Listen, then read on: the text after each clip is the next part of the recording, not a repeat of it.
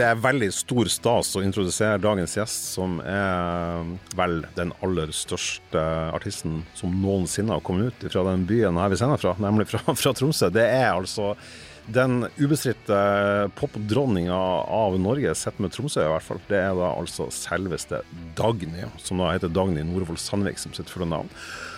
Hun har hatt en enorm suksess etter hun etter hvert begynte å gi ut plate, og har vært på turneer hele verden rundt og har sinnssykt mye på hjertet. Hun Dagny har jeg sjøl kjent i ganske mange år. Vi har til og med jobba i lag. Så jeg bare vet at med hun Dagny i studio, så kommer det til å bli dritartig. For hun er kjempeflink å snakke for seg og har masse på hjertet. Og er ikke noe redd for å si ting sånn som hun syns at det er. Det her er ei sending jeg har veldig trua på. Da er det veldig stor stas å invitere selveste Dagny Norvoll Sandvik i studio. Velkommen hit. Tusen takk. veldig, veldig fint. Jeg kan jo si som et sånn bakteppe her at vi har jo da eh, nettopp avslutta påska her i Tromsø. Så det, det er nå da tirsdag, første virkedagen etter påska. Det er sinnssykt fint vær her oppe. Speilblankt hav, hvite tinner, våren er i gang. Ikke så verst å være hjemme. Ja, det er ikke så verst. Og det, og det er morsomt at du sier det, fordi at vi snakka jo med mamma og pappa når eh, det var ca. to uker igjen til påske. Og det var så utrolig fint vær. Og så sa jeg noe sånt som ja, gud, jeg håper det holder til påska. Så sier de ja, men det er fortsatt god nok tid til at jeg kan, liksom, at jeg kan komme tilbake til påska. Det var liksom ingen sånn der tanke om at ja, det her kan vare i to uker. Det var sånn, Vi så for oss at det måtte bli drittvær før det skulle bli finvær igjen, da. Ja, det er litt sånn yin-yang-system i naturen òg. Jeg var så innstilt på at det skulle bli en skikkelig regnfylt eh, påske, og så blir det så fint. Er, er, er det en sånn vanlig ting at du eh, drar hjem til? Nei, altså det var jo jeg husker veldig godt påsken 2012, for da var jeg hjemme i påska, og det var en sånn magisk påske, og jeg husker at det var på et sånt tidspunkt jeg akkurat rykka til London, og hadde litt sånn Jeg vet ikke, jeg tror bare jeg var på et litt sånn kaotisk sted. Og da husker jeg at det der å, å, gå i fjellet med mamma og pappa og sitte og bare noe så enkelt som bare spise en appelsin på fjellet, det var sånn akkurat det jeg trengte, og det var en sånn magisk påske. Men så etter den påsken så gikk det mange år der jeg prøvde noen turneer og sånne ting, ja, kanskje? Ja, turneer, og ofte skriveturer faller rundt liksom, ja. denne tida på året, så vi var mye liksom i USA og ja. akkurat rundt den tida, så jeg missa liksom ut på masse påsker. Mens de siste årene så har jeg vært veldig sånn Nei, nå er det påske, nå skal jeg hjem. og det er jeg så glad for, for det er bare de omsett de få dagene man får, det, det gjør så mye, da, syns jeg. Ja, altså, du, sier jo, eh, du sier jo hjem, hører jeg da. Så det er fortsatt Tromsø som er hjem for deg? Ja, det er det ja. absolutt. Ja. Det er jo, det er jo liksom uh, huset til mamma og pappa, det, jeg tror det er aldri noen ting Eller det sier jeg nå, da, men ja. det føles ikke ut som det er noen ting som noen gang blir til å bli så hjem som det. Men jeg har også innsett at jeg har en evne til å skape liksom hjem der jeg er, sånn at jeg føler på en måte òg at London er et, en form for hjem, selv om jeg ikke bor der lenger. Og Oslo eh, tok litt tid, for jeg hadde ikke noe sånn forhold til Oslo før jeg flytta dit, men det er også liksom er blitt hjem. Men hjem-hjem. For der har du bodd en god del år nå? Ja, fire ja. år. Mm. Mm.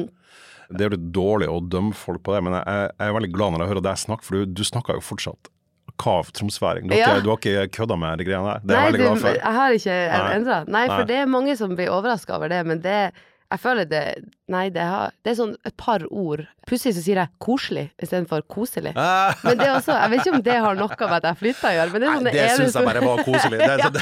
det, det, det, det er innafor. Jeg tenker liksom bare å, å, å, gå litt tilbake til nettopp den første tida di her i Tromsø, så, så før du dro til utlandet og alt det her. Musikken kom jo tidlig inn i, i ditt mm. liv, eh, og, og den mest sånn opplagte faktoren der er jo da de allerede nevnte foreldrene dine, som, mm. som, du oppnevner som veldig ofte som den viktigste sånn inspirasjonskilda til mm. din egen inngang til musikken. Kan du fortelle litt om det?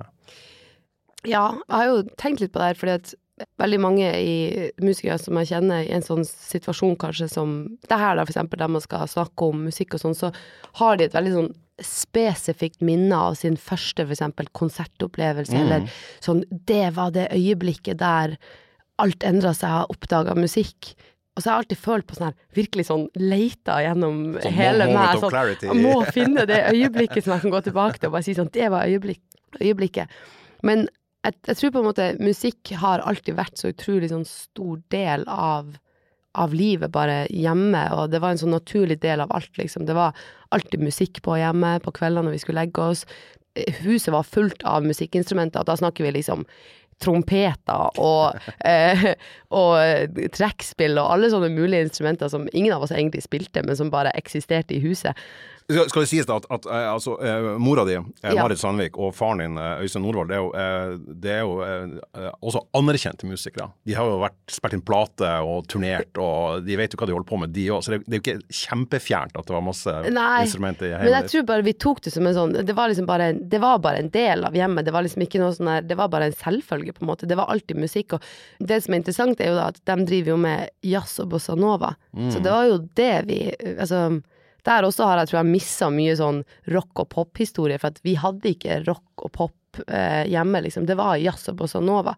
Og det var det du sjøl også da foretrakk, og, og, eller det du sjøl har valgt å høre eh, ganske langt opp, da?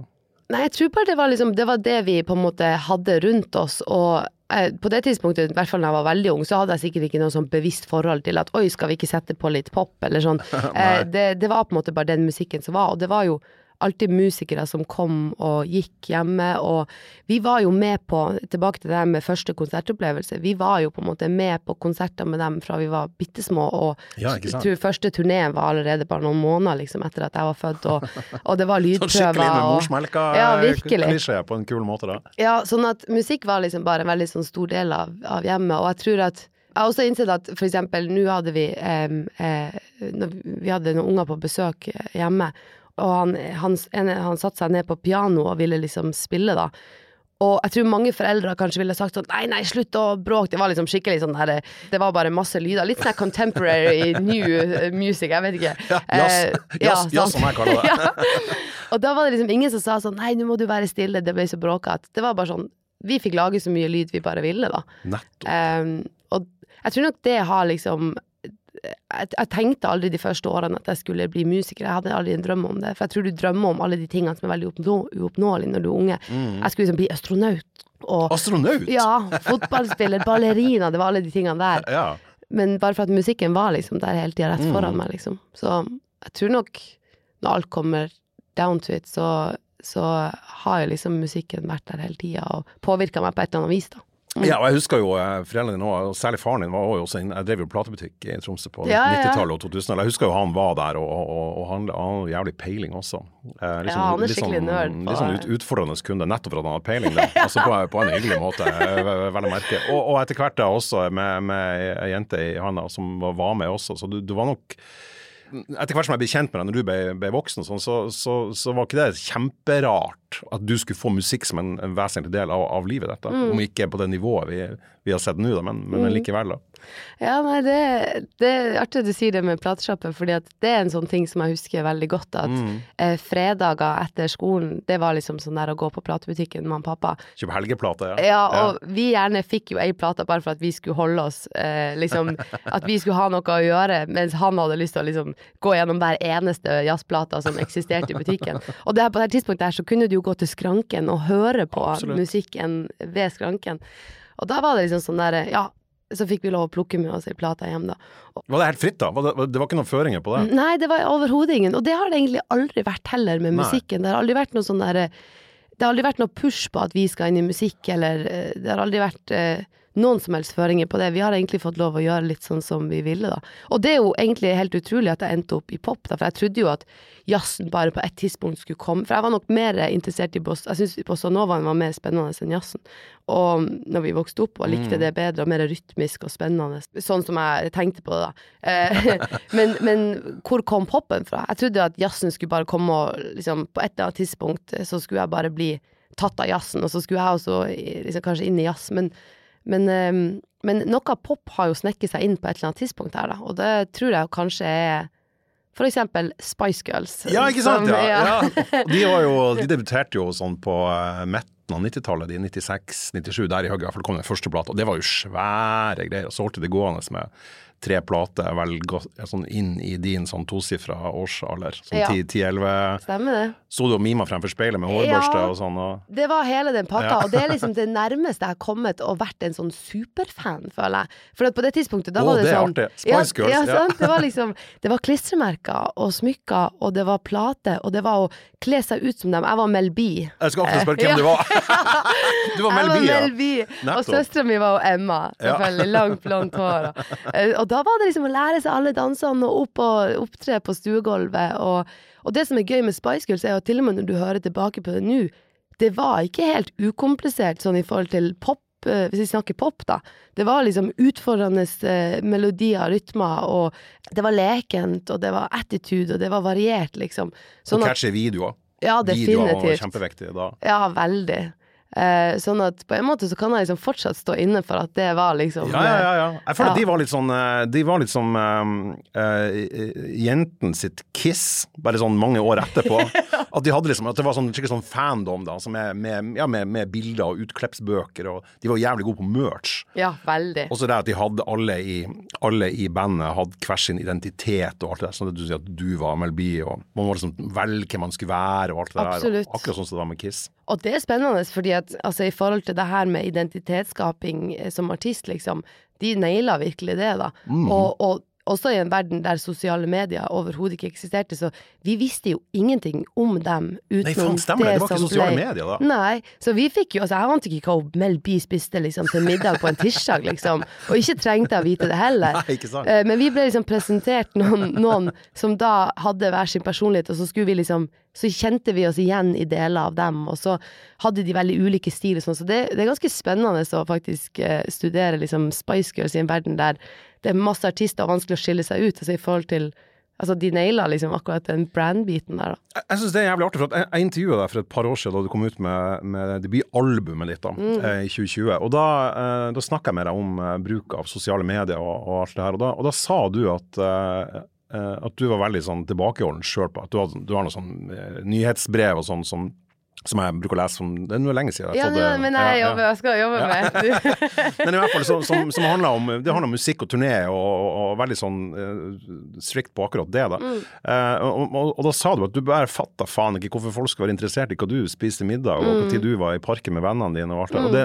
det, og, da sa du også og er derfor jeg kom på det nå når du snakker mm. om Spice Girls, at du likte å ha de liksom fantasifigurene som idoler, ja. nettopp at man ikke visste en helvetes masse om dem. Ja. Er det litt det du ja. egentlig snakker om òg, da? Ja, det er jo absolutt det, og jeg, jeg tenker bare Altså um, Altså, pop er jo liksom Og musikk generelt er jo en måte å En slags form for escapism, eller hva man skal mm. si, da. Og, og, for min del så har det liksom vært en sånn Vi hadde store idoler som vi hengte på veggen, og de var stjerner, og vi Det var en måte for oss å eh, rømme inn i kanskje en sånn fantasi om hva det var, og, og når de slapp musikk, så er det først og fremst din egen oppfattelse av det de synger om, som er viktig. Det er jo ikke for meg i hvert fall, så når jeg hører på musikk, så, så treffer det en følelse i meg. Og jeg trenger kanskje ikke å vite for mye om bestandig om hva låten handler om, fordi at det er egentlig ikke relevant for hvordan jeg skal connecte med den musikken, hvis du skjønner. Nei, men hvordan, um, da, da, så snur du på hodet, da. Du, du, skriver jo sinnssykt mye låter, du er mm. ekstremt produktiv. Og du legger også mye arbeid i, i tekstene dine. Mm. Uh, men hva tenker du da om at publikum som står og hører på deg, kanskje ikke bryr seg om tekstene? Bryr om, bryr du deg om at de ikke bryr deg om det, da?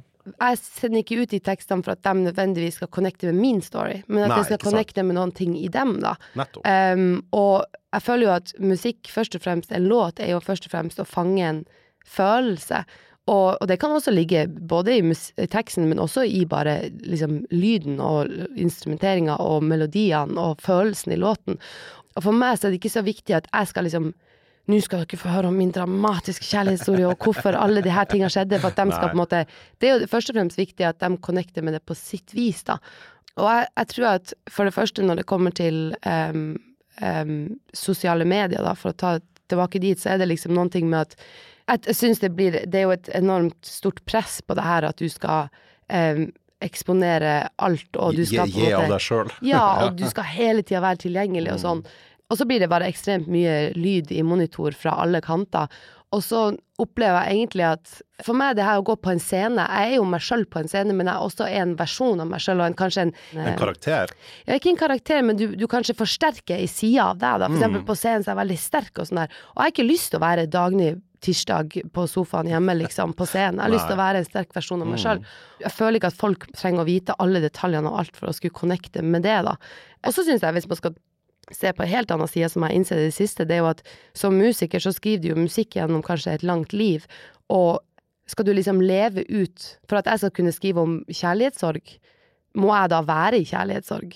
Nei. Altså, jeg, jeg, kan jo skrive om kjærlighetssorg som skjedde for ti år siden, hvis jeg skulle levd ut det livet som, for å ha noe å skrive om, så ville det jo Da måtte jeg jo levd i kaos og vært kjærlighetssorg og forelskelse hele tida. Ja, og den myten der om at man må være i lidelsen for å kunne skrive om det, er vel eh, avliva for ganske lenge siden. Håper Ja. jeg i hvert fall. Ja. Eh, Jeg husker jeg leste et intervju med Nick Cave på 90-tallet der han fortalte at han hadde slutta med dop, og så hadde han begynt å stå opp om morgenen Ja. og, og jobbe sånn ni til fire. Ja. Og det ble sånn, bare, det, var, sånn, både, både kult og litt skuff på en, Ja. en og samme gang. Ja, men.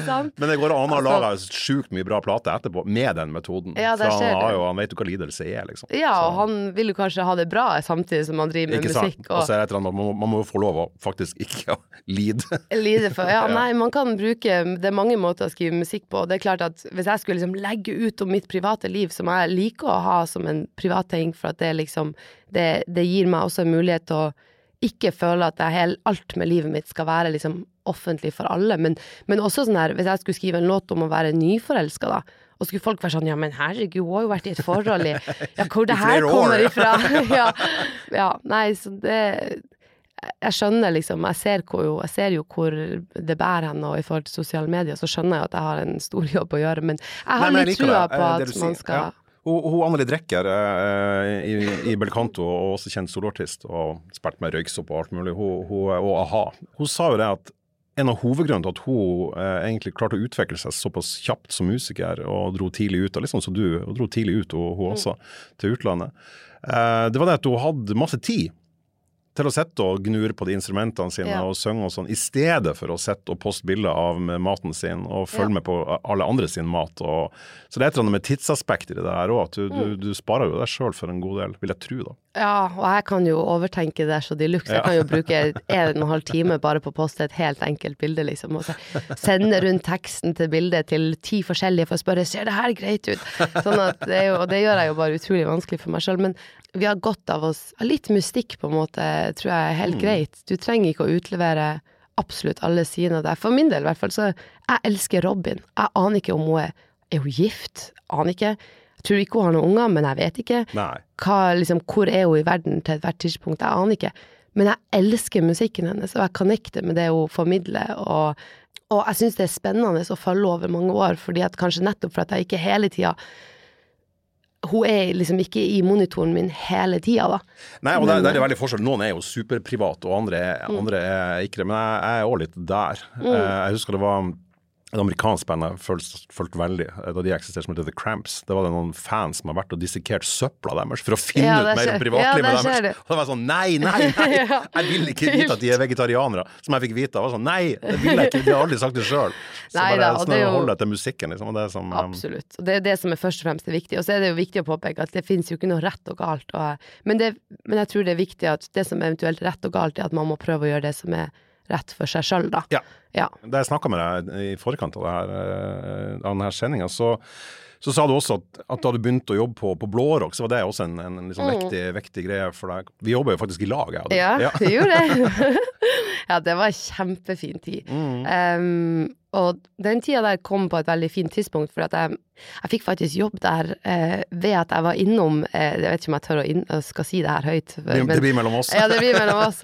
Men jeg, jeg var faktisk innom der, for jeg hadde en venninne som hadde 18-årsdag. Og jeg var jo da fortsatt bare 17 og et halvt. Ja. Og hun skulle ta seg øl, og det var før klokka 11 og sånn. Og så klokka 11 så, så kom de rundt og sa sånn Ja, er dere gamle nok til å være her, nå skal vi liksom eh, Ja, det her kan jeg kanskje ikke si, for det er jo liksom eh, Anyway, jeg fikk jobb der. Det er for å si kutt det.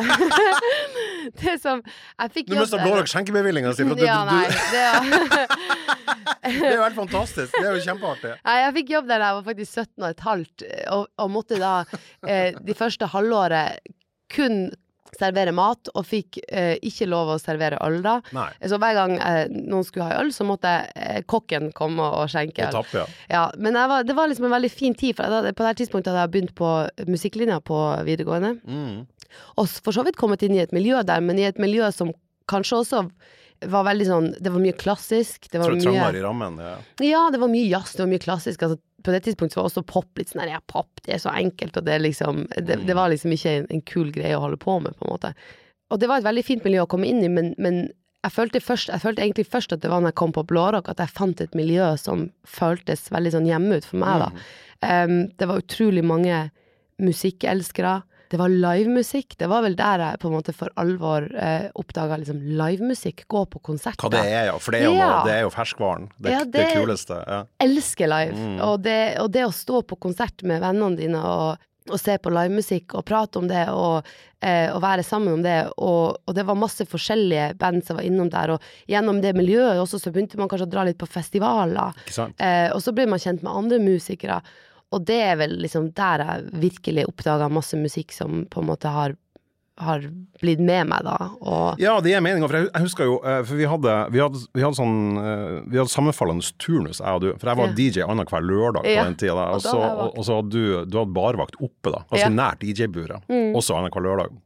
Og jeg husker du rann opp og ned hele tida med sånn eh, og skrev ned på lapper hva ting var. Ja. Hva, er det her, hva er det her? Og jeg husker en sånn enorm sånn nysgjerrighet på, på, på musikk. Eh, og jeg tenker den Jeg kjenner ingen eh, musikere som har kommet langt uten at de har den der, der i seg. Og der er nok det frøet som eh, har blitt sådd hjemme hos deg Mm. tidlig, som, som både har sendt deg inn i Spice Girls sin verden, tenker jeg, og Ja. inn i pop og rock og americana og alt der. Men det var en sånn en voldsom nysgjerrighet. Du var så jævla gira på å vite Du ville vite alt, liksom. Ja, og det, Det og det var jo en fantastisk måte å oppdage musikk på. Og det, og det jeg føler jo at min reise gjennom musikk har liksom vært Det har vært så mange forskjellige stadier, da. Og det stadiet der var liksom bare stor preg av å liksom oppdage veldig mye musikk som jeg ikke kjente fra før av. Mm. Og som jeg ikke hadde blitt eksponert for gjennom kanskje ungdomsmiljøet var i, eller eh, videregående musikklinja, eller hjemme hos mamma og pappa.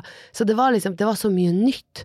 Og jeg ser jo til og med den dag i dag, selv om jeg på en måte sier jo at jeg er, elsker jo pop, virkelig. Du er jo Men popartist. Ja, og det eh, er Først men, og fremst, da. men jeg elsker pop som lander litt sånn, eh, sånn som vi sier, litt left of center. Det er liksom ikke kjempekommersiell nødvendigvis pop, det er jo på et vis det, men det er, det er liksom, jeg elsker litt eh, pop som har litt bandelementer, og som eh, har litt av de her indie-kvalitetene. Ja, det, det skal vi komme tilbake til òg, for du har, vi har, du har noen klare eh, album du har valgt ut, Altså, så det Mm. skal vi komme tilbake til. Så, og, der er det jo veldig bekreftende til det du sier, sier nå. Mm. Eh, Det tok ikke så jævlig lang tid heller før du, òg begynte å, å, å spille sjøl, eh, i en duo. Mm. Eh, der du var andre navnet, i Simon Garfunkel. Ja. Ja. Med June og Dagny. Ju- June og Dagny. Ja. Yeah. Eh, og dere spilte masse, husker jeg. Ja, vi Eh, gjorde det. Ja. Og det, kan du jo også, det er også verdt å nevne i forhold til det med blårock, at det også ga jo Altså, jeg fikk jo for eksempel være support for noen artister. Ida Jenshus var jeg support for. Ja, jeg tror det var jeg som booka det. Jeg tror det var du som booka det, ja. Um, og det å få liksom det å ha en scene å stå på, det er kjempeviktig. Å komme seg ut og spille, og, og få den muligheten til å stå på en scene og bli kjent med seg sjøl som utøver. Og der er et publikum. Ja, Der definitivt. kom, det kommer folk for at de ikke skal høre på deg, og så må du levere. eh, For, og du var jo eh, Du var jo veldig ung da, eh, men man så jo fort da at det her var noe som du digga òg, da. Du begynte med deg en fyr på gitar òg etter hvert, da du Mm. Ja, under eget navn. Men da, det du drev på med da var ganske annerledes enn det du holder på med nå, for å si det Absolutt. mildt. da. Og det som, det som du nevnte, liksom June og Dagny, og det Vi møttes jo gjennom musikklinja. Ja. Og på det tidspunktet så hadde jeg jo sysla litt med kassegitaren hjemme og skrevet litt låter, men det var jo først når jeg møtte June at vi virkelig begynte å skrive låter. Ja. Vi var jo sånn Sånn som vi hang i lag, så var det liksom å sitte hjemme på i stua eller på ei seng og skrive en låt, liksom. Mm. Og på kassegitar, og det var jo på en måte min første sånn låtskriverpartner, kan Ja, du si. ja. Og vi um, lekte oss masse med harmonier, og begynte etter hvert å spille litt rundt i byen, da. Og da Altså, vi spilte på alt. Vi spilte på Hurtigruta og på veldedighetsshow og i, på en kaffe På disken i en kaffebar, og vi spilte eh, Altså, vi spilte der det, det lot Der vi fikk spille, liksom, rett og slett. Og skrev også eh, masse, masse låter. Eh, Jeg husker det, for det, det jeg syns var så kult var at, for at altså, eh, Veldig mange unge artister, når de er i den fasen der, sånn i slutten av tenårene og, og begynner å skal spille, og sånn, så, så er de ofte litt sånn redd for å bruke opp seg sjøl i byen sin. Men det ga du jevnt faen i, og, og det husker jeg applauderte veldig. Nettopp det du gjorde, og det du forteller nå, at du, du spilte faen meg overalt. Jeg husker du arrangerte jo også sånn her, eh, stuekonserter, folk kunne booke deg hjem og sånn. Ja. Det var sånn, sånn total skamløs eh, Ja. sånn overmuch på alt. Og det, Ja. og det, og det, det, det heier jeg veldig på. Ja, og det er morsomt at du sier det, for det kan jeg jo kjenne på litt fortsatt. At det er sånn der, når vi skal booke festivalsommer, så er det liksom Vil du spille på den festivalen? Ja! Vil du spille på den festivalen? Ja! vil du Ja, vil du ha noe ferie? Nei! Ennå? ja, ja, er du gæren? Og Fantastisk. de første årene når vi gjorde festivalsommer, så var det jo Da var det jo sånt mindre festivaler, det var mindre Vi hadde kanskje mindre navn på plakaten, kan du si, så det var mindre restriksjoner i forhold til andre festivaler. Og da Ja, sånn eksklusivitetsgreier. Ja. Ja. Mm. Uh, og første sommer der, så tror jeg vi gjorde noe sånt sånn 36 festivaler. Å, i sånt. helvete. Og jeg, fortsatt, jeg snakker jo fortsatt om den sommeren. Det er sånn her Gud, det var gøy når vi fikk gjøre 36 festivaler. Nå, får vi, nå kan vi bare gjøre så og så mange. Sånn at jeg tror alt det der der, i frykt selvfølgelig for å, å bruke seg sjøl opp, så Altså, jeg bare elsker å spille så mye. Man skal bruke seg sjøl opp i, i heimbyen sin, det er det som er mitt poeng. Ja. Så skal man spille så mye som man vil og få erfaring, spille support og si ja til, til det meste, og så heller bare ta det som en erfaring og lære av feiler og det man gjør rett. og Absolutt, og jeg er veldig glad for at jeg gjorde det, fordi at jeg ser jo Det tok jo lang tid på en måte før ting begynte å Altså før vi kommer til 2015 og jeg slapp backbeat og ting begynte å rulle og sånn sett.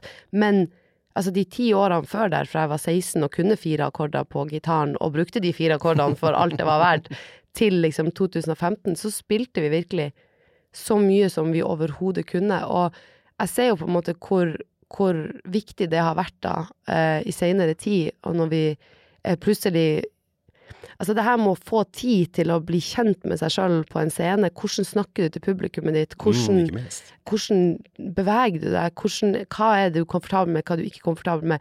Altså, det er så mange som dessverre går glipp av den lærdommen, fordi at kanskje gjennom sosiale medier og gjennom hype og de rette folka rundt seg, kan man si, også, ja, sånn, så, så blir de så stor før de i det hele tatt får Altså, Har funnet første seg sjøl, ja. ja, deres første konsert er liksom utsolgt Rockefeller, og da forventer folk at ja, du er jo dritstor, så du må jo bare levere, og så har de aldri stått på en scene før. Altså mitt tips alltid til unge som har liksom lyst til å komme inn i musikken, det er bare sånn kom deg ut og spill. Spill der du kan. Eh, gjør deg masse erfaringer. Gjør alle de der kleine situasjonene eller de tingene der du dreit deg ut, og bare Peis liksom, på, ja. peis på, bare Ja. liksom, gjør så mye du kan. For jeg tror du lærer enormt mye av det, og det ga meg ikke bare kjærlighet for å spille, men også masse viktig erfaring, da. Men jeg husker også at det var sånn um, For det du drev på med da, var jo veldig sånn singer-songwriter-aktig eh, musikk, da. Naturlig nok, for det var du og en gitar. Så jeg husker jeg, jeg brente noen CD-er til meg med masse sånn singer-songwritere. For jeg tenkte sånn, nå må jeg faen meg gi henne de beste tingene. Gene Clark og Tones Van Sant og Neil Young, og her skulle det liksom eh, dyttes på. Men det var jo noe veldig annet som kom ut i, i, i andre enden. Husker du at du begynte å få en idé om at du skulle gjøre noe, noe større enn noe? Altså med pop og med mer arrangement. Og husker du at du, at du fikk en slags sånn her Jeg skal ikke gå den singer-songwriter-veien. Nei, jeg tror jo Altså, for det første så er jo den singer-songwriter eh, liksom eh, Den greia der ligger veldig nært. Eh, jeg elsker selvfølgelig mye forskjellig musikk, men jeg fortsatt elsker liksom mann, kvinne med kassegitar, og den veldig nedstrippa, Mm. uh, liksom veldig rå, ærlige uh, type musikken. Men jeg tror uh, Jeg gjorde jo og gjorde det i mange år og trivdes veldig godt med det. Men så, så var det vel For det første så er jeg jo ganske full i energi. Det kan man si. ja. og har jo egentlig en ganske sånn Jeg, jeg syns det er gøy med musikk som er oppløftende, og jeg, jeg kanskje det, jeg innser vel på et tidspunkt at det kanskje ikke passer meg helt å stå med en kassegitar og være veldig melankolsk. Og det Det har ikke begrensning i, i, i rent sånn både det visuelle og det aktivitetsnivået på, på en scene når du er alene med en gitar. Da. Absolutt, og, og, og jeg tror også at det er sånn naturlig at du utvikler deg over tid, og det var jo nesten ti år der før jeg gjorde backbeat, der jeg gjorde den singer-songwriter-greia. Så på en måte så, bare for at det ikke kom noe musikk ut fra det som jeg kan se tilbake på nå i forhold til at på Spotify eller sånn, så var det en veldig sånn tydelig epoke. Og jeg tror bare jeg kom til et tidspunkt der jeg innså at det ga meg ikke så mye um, Jeg følte kanskje at jeg stoppa litt i utviklinga. Det er klart, jeg spiller jo ikke spesielt godt gitar, så det var jo begrensa hvor jeg Altså, de fire akkordene utvikla seg til åtte, kanskje, og så, og så var det liksom Ramones i med fire, Ja, ja. Og i samme voicinga på alle, liksom. Sånn at jeg tror på en måte bare at eh, på et eller annet tidspunkt i 2015 så kom jeg til et punkt der jeg bare kjente at jeg hadde stoppa litt opp og ikke Ja. hadde noe utvikling lenger. Og så var det jo egentlig backbeater som ble et veldig sånn tydelig skille, for jeg gikk inn i session med en um, som heter Sam McCarthy, og, og han hadde ikke jobba noe med han før, og han kom fra mye mer sånn bandy, sånn Camden, Nord-London-miljø, Mm. liksom, og mye mer rock'n'roll enn han gang blir til å bli, for å si det sånn. og han, liksom, han begynte å, å, å eh, hente frem masse sånne referanser som ikke jeg kjente så godt til, da. Og henta frem elektrisk gitar, og kunne liksom eh, kom med en liksom trommemaskin, og når han spilte akkorder, så var det ingenting melankolsk over det. Og så skrev vi da, på kanskje femte gang vi jobba i lag, så skrev vi backbeat, og da var det liksom en sånn der distorted radiovokallyd, liksom, som jeg aldri hadde gjort før. Nei.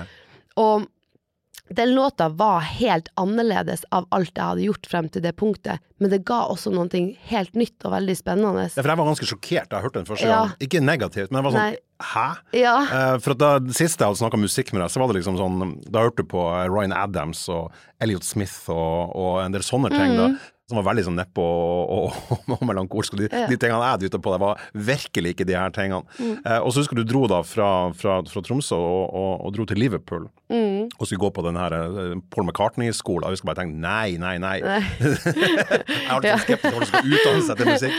Ja. Men, men, eh, men det var jo selvfølgelig veldig rett av, av deg å gjøre det. Kan, kan du fortelle litt om, om det? For de fleste drar jo til, til Oslo eller Ja. Bergen. Men du, du, du ga faen. Du, tok, eh, du hoppa over alt det der og dro rett til utlandet. Ja, og jeg skulle ønske jeg kunne liksom si at det her var ekstremt gjennomtenkt, og at det var en mening, liksom, det var en, en større plan med det, men virkelig så var det litt sånn der eh, jeg, tog, jeg dro bare, litt sånn på samme måte som jeg spilte der det åpna seg i dør, så dro jeg liksom bare litt dit som vinden tok meg.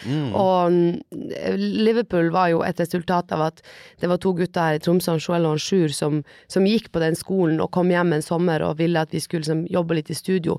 Og så klaffa det veldig bra, og og de gikk på den skolen da, så de inviterte meg til å komme dit i tre måneder og bare jobbe med dem mens de gikk på skolen. Så jeg gikk aldri på den skolen. Og du gikk aldri på Nei. skolen? Ah. Jeg kom faktisk Nettopp. inn eh, på den skolen, men, eh, men jeg bestemte meg for å ikke gjøre det, da. Så du, du bare bodde i Liverpool? Ja, rett og slett. Og yes. god knows hva jeg sysla med der. Sov sikkert eh, til elleve og satt oppe til fire på natta og skrev låter. Men det er jo en jævla rå by, da. Liverpool Ja. er jo en sånn Jeg har vært mye der av andre grunner enn Ja, musikk, da. Men, men, det, men, det, men, ja, ja, men, det, er jo også en veldig Det er en, det er en historisk sett en blytung musikkby òg. Ja. Hav, havneby, sånn som Hamburg, en, by der, der det også er mye av det samme råheten i seg. Så det jo det å bare være der og forsvinne inn i mengden, og ingen vet hvem du er, og, Mm. og bare, det, var, var det en, en greie for deg å bare komme seg litt bort? Ja, absolutt. Og det var nok bare å komme seg litt bort. Og jeg var jo ganske sånn eventyrlysten på det her tidspunktet. Jeg har jo reist lite liksom i oppveksten, og plutselig så hadde jeg begynt å reise litt og sånn her, og var litt sånn Kjente at jeg var mer og mer sånn sugen på å,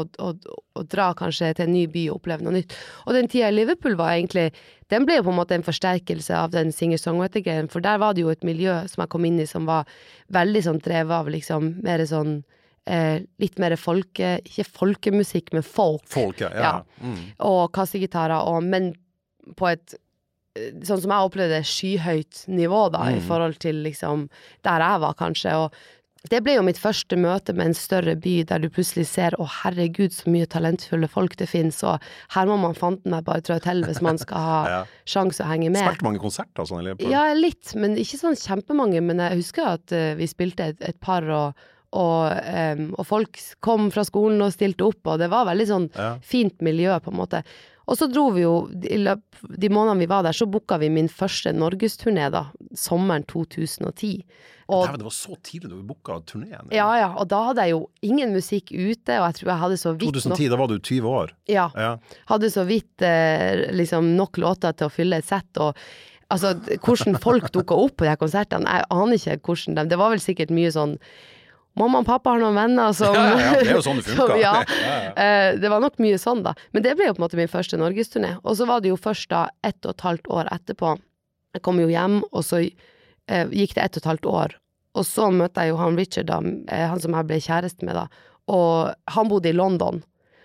Og litt rart å tenke på nå, for det er jo egentlig en ganske stor ting å bestemme seg for å bare flytte til London etter at man har kjent noen i tre måneder. Som er en verdensmetropol, og som er Ja.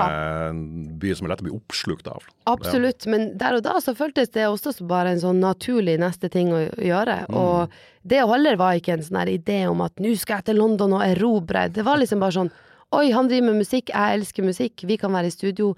Um, spennende med London. Jeg, jeg, jeg klarer ikke å huske at jeg tenkte så mye, jeg bare gjorde. Men var det noen som da tenkte de kritiske tankene for deg? Nå tenker jeg, på sånn, nå tenker jeg selvfølgelig på foreldrene. Det for at okay, Dattera di er 20 år og skal dra til London og bare fuck it, nå drar jeg til London. Var, var, det noen, var, det noen, kontrollspørsmål da, eller var det bare sånn lykke, lykke til, eller?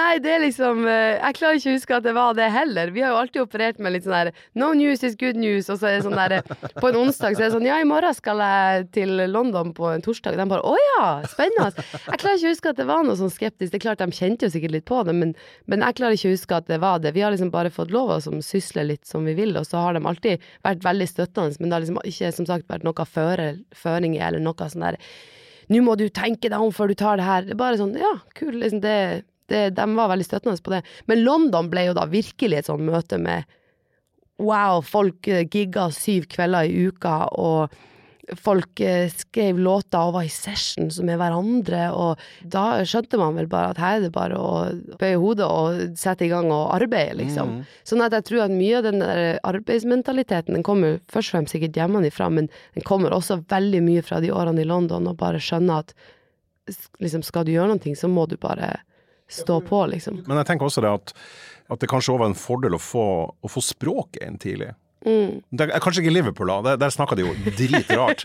Helt fantastisk, en skaosdialekt. Men i London snakker de jo veldig sånn proper uh, skoleengelsk, eh, delvis i hvert fall. Og, og, det å få engelsken så til Du har engelsk kjæreste, og du også, da, og du snakker mye engelsk. Ja. Um, har, det, har, det, vært en fordel for, for uh, tekstskriving og, og, den slags? Da? Ja, og kanskje først og fremst uttalelsen. Ja. Eh, fordi at eh, Det husker jeg faktisk at jeg var på et møte her med en som heter Fredrik Forsman her i byen. Ja, han jobber her fortsatt, han. Ja. Vektig og flink fyr. Ja, Svenske. var viktig for liksom musikk, eh, sånn ungdomsmusikk eller musikkmiljøet i Tromsø òg. Og han husker jeg tok meg og June en gang til side og sa at veldig bra det dere driver med, men skal dere liksom gjøre noe større, så må dere jobbe med engelskuttalelsen. Oh, ja, han sa det, han ja, Fredrik. Ja, Og det var en utrolig sånn derre Jeg er jo veldig fan av kritikk, sånn konstruktiv kritikk. Og det var en utrolig tydelig beskjed å få, og det, det bar jeg med meg lenge. Mm. Og, og, det er liksom Det ser du i hvert fall i utlandet, at noen kommer kanskje unna med en litt sånn derre litt sånn røff eh, hvis, du, hvis, det er en del av Det gikk jo bra med Bjørk, for, for eksempel. Si det, det var hun ja, jeg tenkte på. um, men, men, men, i de aller fleste tilfellene så, så, så, så, er det liksom sånn at i hvert fall i USA og sånn skal liksom folk connecte med musikken der, så så tror jeg at liksom du må ha en uttalelse som er på plass, da. Snakker du, snakker du, Når du da gjør intervjuer i, i USA f.eks., snakker du da britisk-engelsk, ja, eller, eller, snakker du amerikansk-engelsk? Det ble jo litt sånn, kanskje litt sånn der eh, awkward, eh, litt sånn overdrevet britisk en periode. Ja. Og så ble det kanskje litt overdrevet amerikansk da jeg var i USA. Og nå når jeg har vært hjemme i fire år, så er jeg, altså jeg er sjokkert over hvor fort det gikk tilbake til en sånn litt sånn dårlig eh, norsk-engelsk. Nei, sier du det? Ja. At du ble dratt tilbake? Ja, det har, sier du det? Jeg kjenner jo noen som har bodd lenge i utlandet, og idet de switcher liksom skal snakke engelsk, så er det liksom bare rett inn i sånn superbritisk proff, liksom. ja. Nei da, jeg bare gikk rett tilbake til sånn ubernorsk-engelsk. Eh, eh, men da når jeg snakker, når jeg, når jeg synger, så tror jeg forhåpentligvis at det ikke Nei, det høres, det høres, det høres veldig proft ut. ja. Kan du ta med stor skro. Men eh, jeg tror jo liksom det her å, å flytte til et, et, land der de snakker engelsk, og en ting er jo å, å lære i forhold til låtskrivinga, men også det å kunne uttrykke seg. De første månedene så var det jo humor var vanskelig. Det å f.eks. skulle ha en diskusjon der du skulle føle at du klarte å, å, uttrykke deg på en sånn måte du ville gjort på kanskje morsmålet ditt. Altså det var utfordrende. Ja, det er, liksom. det er jævlig utfordrende. Ja. Uh, for at du blir jo fort en sånn en versjon av deg sjøl med et ordforråd som er mange år yngre, ja. og så har du intellektet til den du er. Ja, ja, det... Og så kommer det ut en sånn litt sånn, sånn barnslig versjon av deg når du snakker da. No, but you don't understand. I'm trying to say that. Altså, skjønner du. Det var mange omveier for å komme frem til et enkelt poeng. Men da ble det til slutt, etter at jeg hadde bodd der i mange mange herrens år, jeg bodde jo i seks år i London, så, så, ble det jo faktisk sånn at jeg ble så vant til å gjøre ting på engelsk at når jeg kom hjem og plutselig skulle gjøre et intervju på norsk, så syntes jeg det var stressende. Så ble det krøkkete, ja. ja. Vi snakket litt om referanser sånn i stad, hva du har hørt på.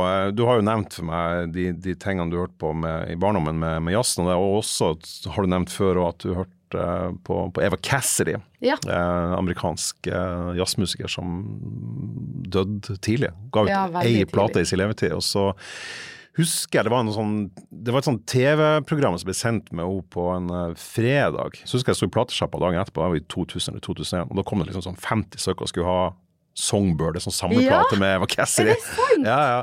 Så det var Eva Cassidy ble sånn dritsvært da, eh, lenge, lenge, lenge etter hun, døde. Og, og du har nevnt henne som en av dine um, Ja, det er helt Ja. vilt at du nevner den opptredenen, fordi at når jeg skal snakke om sånne øyeblikk der noen ting endrer seg, så er det et av de det, er, det, øyeblikkene. er et sånt, et Ja, sånt øyeblikk. Å, det var at veldig artig. Ja. Det som jeg, eh, sånn som jeg husker da, så var det NRK, Om det var på NRK, de sendte en sånn liten sånn minikonsert fra at hun satt liksom i en eller annen litt sånn mørk bar i Brooklyn eller noe sånt, Mm. i et hjørne, og det var veldig sånn der moody belysning, og jeg husker hele hennes sånn persona var veldig sånn eh, understated. Hun satt liksom bare der og klimpra på gitaren, og så synger hun, og så er det bare helt sånn herre Det er så mye følelse i det. Og, og jeg ble helt sånn Jeg så den her konserten da, var ganske ung på det tidspunktet. Det kom sikkert bare på, liksom, i, når vi satt hjemme, liksom. Og jeg ble altså så bergtatt av den der Ja. performancen. Jeg husker ikke helt hva til på tida det her året det her var, men jeg husker at den jula, da, så fikk jeg Imagine og Songbird um, Å ja, platen, ja. i platen. På CD. Ja, på CD. Ah, hos mamma og Ja. pappa. Og de her gikk jo på selvfølgelig repeat, og det her øyeblikket av å se hun sitte der på gitaren Jeg tror det var først etter det at jeg plukka opp kassegitaren og var sånn Ah, Oi, jeg skal bli singer-songwriter, men først og fremst songwriter. ja. Eh, jeg ville uttrykke følelser på en sånn måte, da. Og da begynte jeg liksom å skrive låter, og, og ble veldig opptatt av gitaren, da. Og det var liksom etter, eh, etter det klippet der. Det var sikkert den, den konserten, da. For jeg Ja. det var helt sånn her, Jeg tror vi hadde noe sånn tre X inne av den plata. eh, Av den her, den her Songbird-plata. Som hadde, var liksom å ringe og bestille på, Ja, man, på mandag. 100 X liksom, hadde vi mange ganger. Så det var sånn, det gjorde inntrykk på veldig mange, da. Ja, det Men jeg spurte hva du ville tatt med deg på ei, på ei øde øy. Hvis du skulle ta med deg ei plate, og ei plate er jo jævlig kjedelig, for da får man jo ikke nevnt eh, masse man er glad i. Men, Ja. men det, var, det, var, det var tre skiver du, du nevnte for meg, og det er jo kvinnelige uh, artister alle sammen. Eh, du nevnte debuten til uh, hun Phoebe Bridgers, 'Strangers in the Alps'. Det var ei, ei sånn plate. Kan du fortelle litt om den? Ja, altså først og fremst så er det jo, eh, det er spennende det her, for at det, vi snakka jo litt om sist gang vi snakka om Ja. plate, og da var det jo noen andre plater jeg valgte, så det der, der endrer det seg jo. hele tida. Det det gjør jo det. gamet. Ja. Men 'Stranger in the Alps', det var vel egentlig 'Motion Sickness' som, som jeg hørte første gang, som sikkert kanskje er den største, en av de Mm. større låtene hennes. Og bare Du vet når du av og til hører en låt, og så vet du bare når du hører den første gang at denne låten blir jeg å høre Tusen ganger. Ja. tusen ganger på repeat og aldri bli lei. Sånn var det for meg med den låten. Og den kom nok i et sånt tidspunkt òg der Jeg lurer på om det var liksom eh, Var det da den kom? For den kom vel i 2017? Ja, det var ganske Ja, eller det var kanskje tidlig 2018. Mm. Det var forholdsvis nytt fortsatt. da. Ja, det var det. Og det var, jeg hadde aldri hørt om henne før, og Nei. det var ingen jeg kjente som hadde hørt om henne heller. Jeg klarer ikke å huske helt hvordan det var, men det var utrolig tilfeldig at jeg kom over den låta. Eh, men den bare traff så sykt, da. Og så begynte jeg å spille det albumet eh, masse, og jeg syns det var spennende med liksom det språket hun bruker, og det er ganske dystert. Eh, ja, det er det. Eh, Hun hadde en låt som heter 'Funeral' òg, men det var liksom noen ganger så hører du en låt, og så bare følger du med fra starten til slutten, for det er liksom så tydelig historie, og du, du føler du nesten ser for deg alt, liksom, når, mm. når hun skriver og forteller, og tekstene hennes er bare helt sånn spesielle, og du føler det så sykt sånn Det kommer bare rett fra henne. Det er liksom ingenting Ja, som egentlig også når du gjør det, coverlåter. liksom. Har du hørt den juleplata hennes? Jeg har hørt deler av Ja, det er seks, seks låter. ja. Sånn. Selv når hun gjør de klassiske julesangene, så høres det veldig ho ut. da. Ja, og det er veldig sånn Igjen eh, litt sånn uh, understated. Jeg må bruke det engelske ordet. Hva er understated på?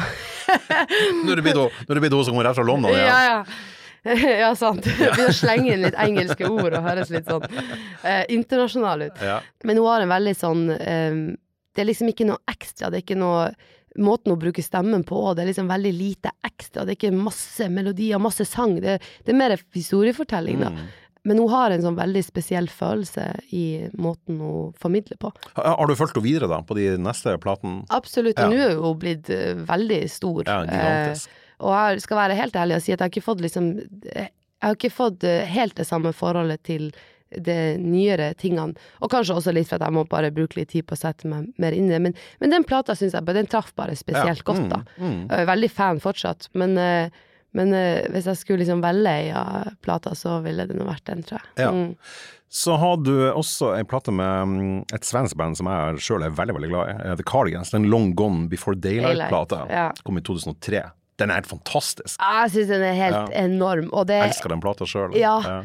og det kan jeg jo si av de platene vi skal nevne nå, så er det jo Hvis jeg virkelig måtte velge ei, så tror jeg nå kanskje det hadde blitt den plata. Den er så variert òg. Ja, Ja. veldig. Og jeg elsker den type Vi kan vel kalle det pop, kan vi ikke det? Jo, det er pop med ganske store innslag av rock. Det er Ja. veldig mye elgitar. Og, Ja, nettopp. og, og jeg, jeg så dem jo live på den plata òg da den kom, og, og det var ganske rocka live, altså. Eh, Nina Ja. Persson var, var Jeg følte at hun var litt sånn, en kvinnelig sånn rockstar. Ja, nettopp. Eh, veldig så mye som, som pop. Men det er, jo- det er jo popmusikk i aller høyeste grad. Ja, for Mm. der nettopp toucher du på den type pop som jeg er veldig glad i, Mm. nettopp. Fordi at det er den Det er pop, det er melodiøst, det er hooky, kan man vel kanskje si. Absolutt. Det, det har veldig mange av de tingene som jeg elsker med pop, men det har det der litt mer indie-rock-preget, da. Altså veldig bandy og Altså, det er så kul den gitarlyden på sånn en Please Sister, som er kanskje er min favorittlåt fra den plata, som jeg får gåsehud Nå fikk jeg gåsehud av å snakke Mm. Ja. om det. Ser du, her er radio, men um, nå har jeg altså gåsehud av å snakke om en låt. Men i den låten der, når, når, uh, når gitarene kicka inn, så er det så det er så jævla rock, samtidig som du er inne i en sånn smektende uh, poplåt. Så synger hun jævla kult, Mm. Ja, veldig kult. Nina Persson. Men det, det er også jeg har tenkt mye på, det her med liksom riff. Et godt gammeldags Mm. riff. Det er så undervurdert, og det er sånn Indeed. eh, veldig typisk i popmusikken kanskje nå, at man tenker at vokalen skal drive absolutt alt. Og det har jo jeg også gjort i aller høyeste grad. Eh, Men man må ikke undervurdere en instrumental hook, eller et riff, eller noen ting som gir en låt en veldig sånn tydelig karakter. Og det ser man jo i dag, at nå er det jo heldigvis endra seg, men når jeg begynte å, å fære rundt i sessions og skrive musikk liksom for syv år siden, og Backbeat hadde kommet, og folk, selvfølgelig Backbeat var jo litt mer rocka igjen, så folk var sånn ok, nå skal vi gjøre rock, og det var liksom bare, ble skikkelig sånn, eh, sorry for det, unnskyld for eh, the expression, men dad rock, liksom. Og det var bare veldig vanskelig å finne den der rette balansen, fordi at eh, folk har et sånt bilde av rock. Men, men det var, på et tidspunkt så var det liksom helt sånn der, du, det skulle ikke eksistere en elektrisk gitar eller en kassegitar i et studio, for det var bare no go på det tidspunktet Sier du det, altså? Ja, veldig. Så rart. Og så har heldigvis det her endra seg, og det er Ja. kommet mer tilbake, og flere og flere eh, produsenter gjør ikke, og, og musikere og eh, låtskrivere gjør ikke bare eh, det, liksom, det digitale, men de kan også spille instrumenter. Så nå ser du liksom at det kommer tilbake litt, at, at det skal være ordentlige instrumenter. Men jeg prøver ofte å si sånn, ja, men skal vi ikke på en måte bare jamme litt og prøve å finne et kult riff? Jeg, men det er, det er lettere Ja, for- sagt enn gjort, da. Ja, for det er akkurat det. Han, han eh, Helge Skog, min eh, gode kollega, som også har vært kollega med deg på, Ja. på Blårock, han, eh, han bruker ordet uh, riff-snadder. altså fra, fra Ja, men det er bra. Uh, og de, de beste rockbandene har masse riff-snadder. Og, og yep. hvis man da tar det tilbake, det er helt sånn som Black Sabbath og The Purple og Led Zeppelin og de her, og for, for den saks skyld og Stones og, og Beatles, så hadde de, de hadde jo også jævla mye riff. Yep. Selv om det var gode popmelodier, så hadde de, de gitarriffene, eller pianoriff kan du også ha, da, som, som låten ligger oppå. Når du da hører på for eksempel um, For What It's Worth da, fra, fra den Cardigans-plata Mm. du, du nevner, så, så er det- så er det til og med et sånn her melodikariff, melodika-riff, eller hva det er, som, Ja. som, som du hører før med en gang du hører låttittelen. Så de riffene der, de, er, de lar seg veldig fint smi inn i poppen òg, da. Ja, og det gir et veldig sånn fint eh, Det gir space i låta, liksom. Mm. Det, gir, eh, det gir en sånn fin Det gir mye rom, da. Men jeg tror også det er to ting som, hvis jeg skulle bare sånn på toppen av hodet poengtere to ting som kanskje gjør også at man kanskje ser mindre av det. er En ting er at ting går så fort i dag, at når du er i session, så er det sånn hvis du bruker eh, hvis du bruker liksom en litt lang dag på å skrive en låt, så var det sånn å shit, i dag måtte vi virkelig jobbe for det, liksom. Og så tenker jeg sånn, altså alt skal skje så fort, låter skal bli til så fort, Ja. og da får du mindre tid til å liksom bruke tid på å virkelig gå inn i de her detaljene og smi, og, um, og, og bare em, ta seg tida til å skape, da. Og så er det det andre at, altså, når jeg hører på den plata, så, så får jeg en sånn følelse av at mye blir til i liksom et øvingsrom, eller der man bare jammer og liksom bare leker seg med musikken. Og det er også ikke så ofte det kanskje skjer, eh, for min del da, i en sånn popverden. Og så når du da liksom Å snu seg til noen og si at du, du kan ikke du komme på et veldig kult riff Altså, det er jo sånn Det blir jo mye å forlange, liksom. Ja, Finn på en vits. Det er omtrent like, like, like, like lett, da. Sånn at, eh, Selv om det ligger mer til enn en til andre, da. Absolutt. Men jeg tror liksom jeg, jeg liker den der type popen der du får liksom feeling av at det bare sånn organisk har blitt til, da. Men har du tenkt å lage noe sånn sjøl, da? Veldig. Og nå har jeg jo øh, øh, Nå skal vi prøve å unngå det, det her eh, termet uh, det vanskelige andre albumet, men jeg har jo Ja, du har jo hatt den, den, den vanskelige andre, tredje, fjerde, femte, sjette, sjuende, åttende singelen, så, Ja. så, så du er kanskje litt vant med det presset? da. Ja, nei, men uh, jeg, jeg har kjent veldig på at etter at jeg slapp liksom eh, det første, altså debutalbumet, så har jeg kjent veldig på at jeg har hatt behov for å inspireres på nytt, og Mm. ikke bare føle at jeg skaper de samme låtene igjen. Og det, den, det albumet var jo mer preg av liksom det digitale og veldig sånn mer digital pop, da. Og nå merker jeg veldig at at jeg dras ekstremt mot det organiske, og jeg vil gjerne at det skal være mer organisk, og jeg kjenner at jeg har mer behov for at vi skal hente inn musikere for å spille ting i studio istedenfor å For det var det jeg skulle spørre om da. For at det, da er det naturlig at man kanskje bytter litt på besetning og sånn òg. Eh, hvis man skal få et annet sound, så er det gjerne det noe som føles naturlig. For jeg husker jeg, jeg spurte en gang om, om, om den backbeat, som jo var en, var en gigantisk eh, hit, og som fortsatt er veldig sentral i, selvfølgelig i, i, i, i livesettene dine. Eh, om det har vært en sånn både blessing and curse, da. Eh, at den tar veldig mye plass. Men, men da sa du at det som var mest irriterende, det var når alle de her eh, plateselskap, låtskriver, folkene skulle ha deg til å lage Eller de skulle liksom lage backbeat 2, backbeat 3. Ja. Altså lage den samme låten på nytt.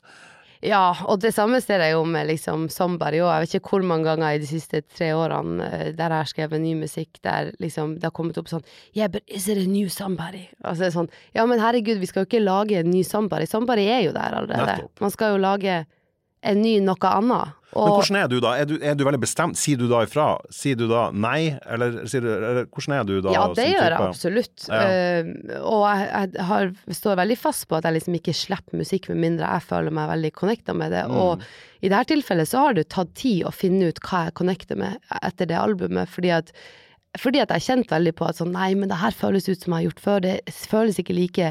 Kanskje for to år siden så ville jeg tenkt sånn, yes, det her kan passe inn på albumet, det her er en låt jeg connecter med, men nå kjente jeg liksom bare at nei, men det føles ut som at jeg har gjort det der allerede, og det gir meg ikke like mye eh, lenger. Sånn at det er derfor jeg har prøvd å Nå har jeg jo holdt igjen en stund og ikke sluppet så mye musikk de siste to årene, fordi at jeg har sjøl måttet bruke tid på å finne ut hva jeg connecter med, og hva som inspirerer meg, og, og det er ikke sånn der for å gjøre noe nytt bare for å gjøre noe nytt. Det er liksom ikke sånn her oi, nå må jeg finne opp uh, noe helt eget uh, jeg, for at det skal gi mening å gi ut et neste album, men bare for at det kommer liksom ikke utenfra, det kommer innenfra, da. Ja, og du har jo forandra deg også. Jeg tenker også det sånn eh, For at det er noe musikere ofte blir plaga med av, eh, av særlig sånne grusomme folk som musikkjournalister. Eh, Men, men, det, det er det her med at eh, ja, men det her er, du må finne på noe nytt og sånn. Men forfattere får jo aldri det problemet. De blir jo aldri bedre med å lage et nytt språk hver gang de gir ut bok. Eh, og de forandrer seg jo også. Det er veldig stor forskjell på de siste og første bøkene til Ingvar Ambjørnsen f.eks. Ja. Eh, og, og det er jo naturlig at man endrer seg, for at man sjøl endrer seg. Så vil jo det kulturelle uttrykket nødvendigvis komme ut annerledes. Det er det som gjør det spennende med musikk. Man blir jo aldri utlært, man blir aldri ferdig. Jeg kan eksempel nå dra frem låter som jeg skrev for i 2014, og plutselig være sånn Herregud, denne låten her, nå connecter jeg med den. Ja, nettopp, ja. Selv om jeg skrev den for lenge siden, og på det tidspunktet kanskje følte jeg ikke den connection med det. Så noen ting har jo endra seg. Og for min del så har jo liksom Det har vært veldig jeg føler jo kanskje at det har vært litt sånn skille mellom oss live og på plate, for at live er det mer bandy. Absolutt. Det er litt mer eh, ja, Hvis man skal si altså Jeg vil kanskje ikke si rocka, men på et vis Jo, det mer syns jeg du rocka. kan si. Ja. Altså Rock i dag er jo også et mye mindre striks begrep enn det var, heldigvis. For det var veldig sånn trange rammer der òg i sin tid. Ja. Eh, og der skjedde mye på, på selv på 90-tallet at det ble litt mer sånn frigjort. Absolutt. Uh, og, og jeg vil definitivt si at du har et rocka uttrykk live, ikke minst i måten du er på. ja. Så det er jo pop og rock. Jeg vet da faen hva som er hva. Altså. Ja, nei, ja, Ik- ikke syns jeg det er nøye si. heller. Men der har jeg på en måte plutselig kjent på et sånt her behov for at uh, Oi, det, det har jeg plutselig lyst til å hente litt tilbake inn i, i studio. Mm. Og, og syns det er plutselig veldig, veldig spennende. Og det som er fint da med å se tilbake på at man hadde utvikling, det er at det gir jo også mening for meg, fordi at nettopp for at de første låtene var mer der. Sånn at det, det det føles fortsatt hjemme ut, selv om det føles fresht ut Mm. nå igjen. Mm. Så det har jeg liksom Det har jeg sysla veldig med de siste månedene og siste året, liksom. Men hvordan er tekstene? da? Syns du dem er, litt infantile? Har, du lyst til å pynte på dem? For det kan du jo gjøre. Eller, Åh, ja, der, der har jeg kjent på at det er mer utfordrende. Hvor mange ganger kan man liksom skrive om forelskelse og kjærlighetssorg og de der tingene der på en Så- ny Svaret måte? er eh, mange. Mange, ja, bare spør John, bare spør John Lennon. Hvis han vært livet, kunne spurt han. Han ville sagt at det, det går bra å gjøre Ja, mange ganger. og det, og det har jeg kjent litt på nå når liksom ny musikk eh, skal komme etter hvert. Så er det sånn der å herregud, nå blir de sikkert å ta meg på sånn der å her kommer nok en låt om om det samme. Men jeg skulle kanskje på mange måter ønske at jeg hadde et sånn utvikla ja, hva man skal si, språk eller sinn, og liksom sånn som du ser på Aurora, som klarer å hente mye mer sånn naturreferanser i musikken, og hun liksom Og hun får sagt Hun er mer kanskje politisk, eller eh, i hvert fall i forhold til miljø og sånn, da. Og jeg skulle egentlig ønske at jeg, for jeg føler at jeg har mye meninger som kanskje ikke nødvendigvis kommer ut gjennom musikken, men så kjenner jeg at nei, men min musikk, det er liksom Det er bare preg av liksom eh, menneskelige relasjoner og ting som jeg føler på, og som Altså, alle kan ikke være alt, liksom. Vi har forskjellige, kanskje forskjellig musikk har forskjellige roller, og for mitt eh, vedkommende så har jeg liksom Jeg merka at min musikk, for mange som lytter til det, og også for min egen del, har det vært liksom ord som oppløftende og eh, energifullt, og det går på liksom de veldig sånn eh, menneskelige relasjonene, og det syns jeg egentlig jeg kan leve godt med at det- er min musikk, det er hensikten til min musikk, da. Jeg syns det er veldig betryggende å høre, egentlig. Jeg, jeg tenker at det er, noen velger å bli politikere, noen velger å bli, musikere, og, vi, og vi trenger begge delene. Ja. Uh, men, men jeg, der sjøl som unge kicka på, og tenåringene kicka på liksom, ja, The Beatles og for den saks skyld Ramones og Sex Pistols og alt det der, så jeg forsto ikke så jævla mye. Jeg skjønte ikke at Ramones sang at de skulle sniffe lim, liksom. Jeg det, men jeg, jeg skjønte på et eller annet vis hvor de ville hen, da, Ja. med mer at det var aggresjon og energi og alt der. At det er på en måte sånn hvis du ikke har um, et helt sånn distinkt budskap du vil ut med, så bør man heller kanskje la, la være. Nei, men det er akkurat det, og det, det er litt det jeg kjenner på, liksom, at ehm, jeg syns det er fint å liksom utfordre seg sjøl liksom, kreativt, og jeg prøver jo liksom å jeg, jeg håper jo at språket mitt også vil utvikle seg i, med årene. Og det er klart kanskje også med alderen, og at man eh, kanskje ser ting på litt forskjellige måter og har nye, ja, nye, tank, nye tanker rundt ting, da. Men jeg, jeg føler også litt på det du sier, at jeg, jeg, føler ikke at jeg skal liksom holde igjen, eksempel, med å ikke slippe musikk for at jeg skal vente på at jeg skal få en eller annen sånn der liksom komme med et sånn kjempepolitisk album eh, bare for å gjøre det. Poppens Greta Thunberg, det er ikke helt der du er på vei Nei, vi re, re, re, det i hvert fall ikke med det helt første, nei. Ei anna du nevnte her, var, var Taylor Swift um, Mm. og hennes eh, 1989-album. Hun er vel født i 1989, så det var det Ja. den på en måte begynte på. Kommer i 2004, var det vel. Ja. Og hun har jo òg forandra seg veldig. Ja. Da hun kom, så var jo hun på en måte en, en veldig sånn etablert musiker i, i countrysjangeren. Og så Mm. gikk hun bare mer og mer over i popen. Ja. Eh, men hun har jo beholdt den låtskriverbiten i seg Absolutt. i popen. Og det er vel ikke tilfeldig at en fyr som Ryan Adams, countrymusikeren, Mm. spilte inn hele skiva 1999 i Ja. sine egne versjoner. Jeg skal innrømme at det var ikke mitt favoritt-Ryan Adams-album, men jeg syns det var veldig spennende eh, ting å gjøre, da. Og en kompliment til henne. Og, ja, og det viste at hennes musikk eh, Altså det er et testament for som låtskriver, da, at det funker i forskjellige bekledninger, da. Mm. så bra. Låtene kommer gjennom uansett. Mm. Valgte hun av flere grunner, fordi at eh, jeg syns det har vært eh, naturlig som en sånn pop- eh, og låtskriver Uh, eh, entusiast, så syns jeg det har vært spennende å følge henne gjennom alle de forskjellige fasene hun har hatt. Og jeg syns også det var veldig spennende nå når hun kom med Folklore og eh, Evermore, at hun sa at hun hadde oppdaga at hun kunne skrive musikk som ikke bare baserte seg på hennes liksom eh, eh, hennes situasjon akkurat der og da, sånn med forhold og sånn. Hun kunne bruke fantasien for å skape historie, og på den måten kan du også kanskje holde det gående bestandig, for at du, du trenger ikke bare inspirasjon fra ditt eget liv, du bruker fantasien og ting som du observerer rundt deg. Og det syns jeg var kult at hun også der hun har vært veldig kjent for å utlevere veldig mye om Ja, forhold ja, ja. og sånn, at hun også viser at det går an.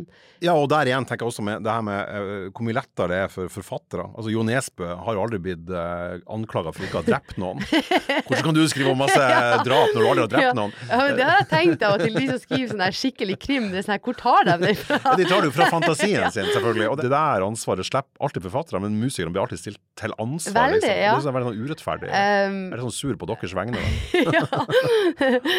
ja, nei, det, det er faktisk et veldig godt poeng. Jeg har ikke tenkt på det sånn før, men det er absolutt sant. Og jeg, jeg føler jo um, med eksempel Taylor Swift, da. Det er naturlig for meg å dra frem det albumet, fordi at hun har vært en stor eh, liksom Ja, på mange måter vært inspirert eh, liksom av henne. Men også så vil jeg frem til at hvis jeg skulle på ei øde øy, Ja, mm. da vil jeg kanskje ha musikk som er, er oppløftende, og som holder meg gående.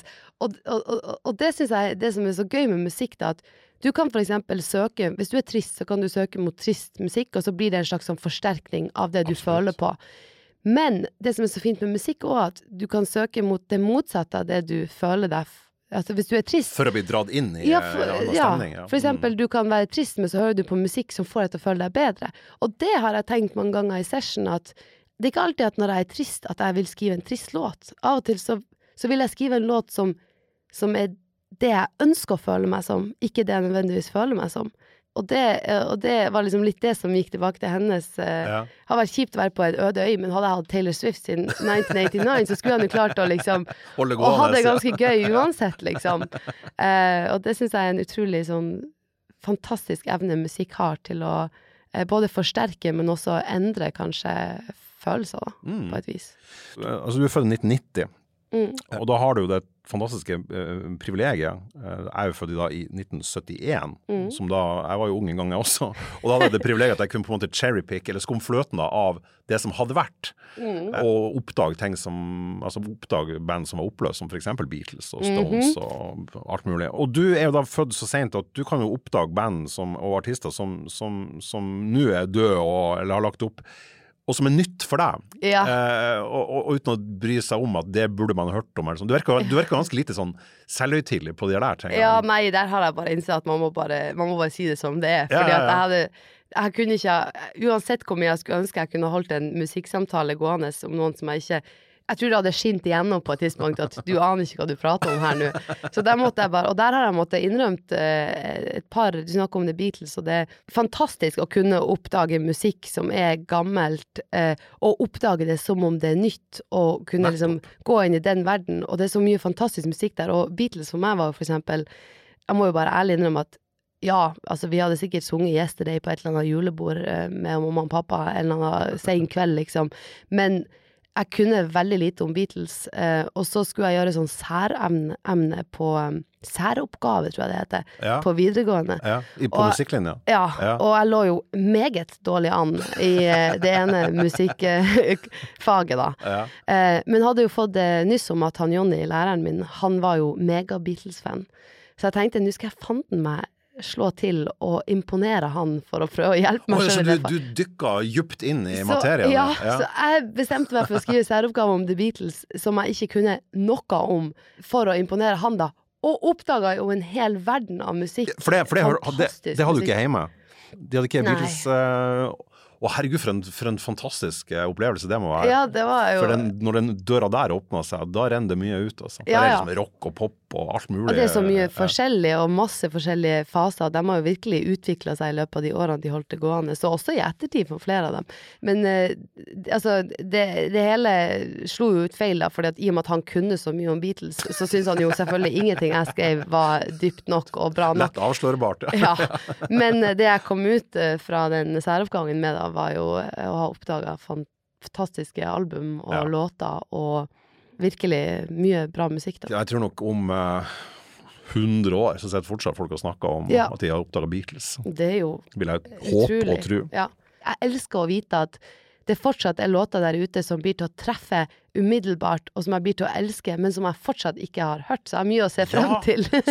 Det er måten å tenke på. For jeg, jeg hadde en sånn her, eh, sånn her eh, deprimerende øyeblikk hvor jeg plutselig det var, Jeg oppdaga noe, noe som var gitt ut for eh, masse masse år siden, sånn 20 år siden, som jeg aldri hadde hørt om. Jeg syntes det var helt fantastisk. Og så tenkte jeg herregud, hvor mye jeg ikke har hørt.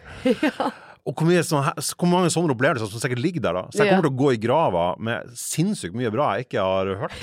Men samtidig så var det sånn, du må prøve å snu på det. Det er jo jævla bra at det fortsatt er der. Man må ikke man må ikke liksom høre på New Music This Week på Spotify, for å, man kan faktisk dykke bak Ja, i tid og finne ting som er- vel så bra, som er proven good òg, liksom. Ja. At det, det ligger der. Jeg tror det er måten å se Ja. det på. At du har mye bra å se frem til. Eh, vi har snakka mye om, eh, om deg og liveuttrykket ditt, og, og at du er veldig eh, du er glad i å også være på, på konsert. Det var interessert å høre hva, om du har noen sånn særlig minneverdige konsertøyeblikk som du sjøl har sett live, altså der du har sett andre live. Mm.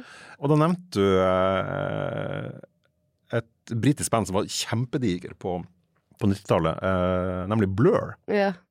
Og det er jo det som er så digg med konserter, at, og, og for så vidt festivaler òg, liksom. Du kan ramle inn på noen ting som du ikke har noe forhold til, og så bare, Det er jo det aller kuleste med Ja. festival. Mm. så bare wow. Og så for min del så var det her da Isle of Wight uh, utafor kysten av uh, Ei øy på sørkysten. Ja. Så han en legendarisk festival på slutten av 60-tallet med Jimmy Hendrix og, Ja, ja, og absolutt. 1970, eller hva det var for noe. Og vi var heldige og har spilt der to ganger, og da liksom blir det igjen eh, helga for å liksom eh, bare sjekke ut musikk.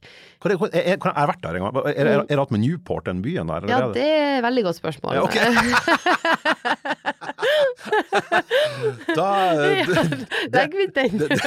Da legger vi den død. Men ok, men det, du, du var der på Hawaii-festivalen.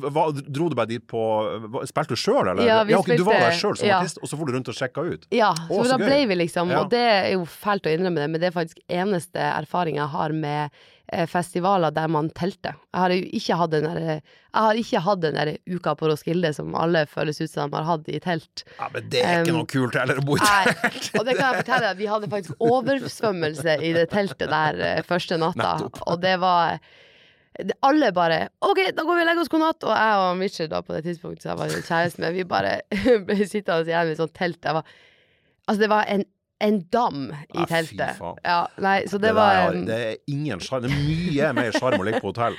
Mye triveligere. Men, ja, men det, det, å, det å være på en festival og, og bare sjekke ut ting, og, og som du sier, gå på noe du kanskje ikke altså, Selv om du har hørt dem. For jeg, jeg hadde en sånn opplevelse med Blur på, Ja. på 90-tallet, på Roskilde. Jeg hadde noen par singler med dem, men jeg var ikke noe sånn kjempefan. Men de var jævlig cool live, da.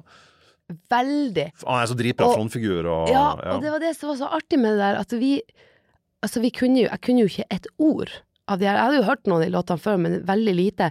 Men altså, vi Det var en sånn her perfekt sommerkveld, og vi var liksom en gjeng, og vi var godt i liksom Det var bare sånn der kjempegod stemning.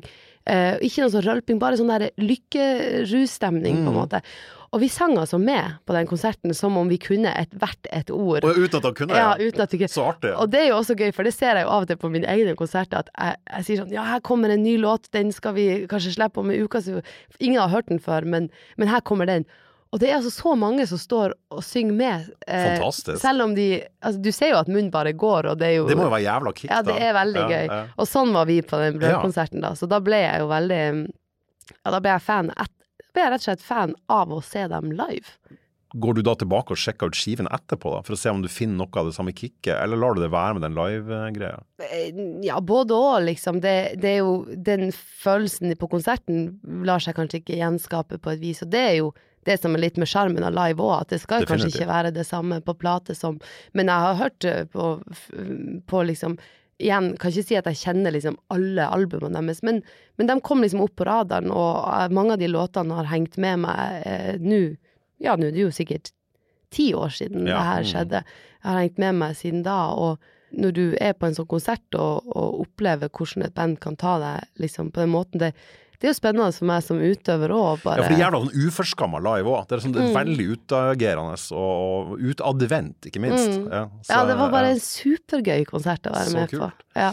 Og så, så nevnte du en, eh, to andre konserter som, som, eh, som var uh, samtidig på én kveld, som er helt andre enden av skalaen sånn energimessig. Det ene var uh, nevnte Ryan Adams, og det andre var First Aid Kit. Det, er Ja. Det svenske um, søskenparbandet. Mm. To, to kvinnelige eh, vokalister.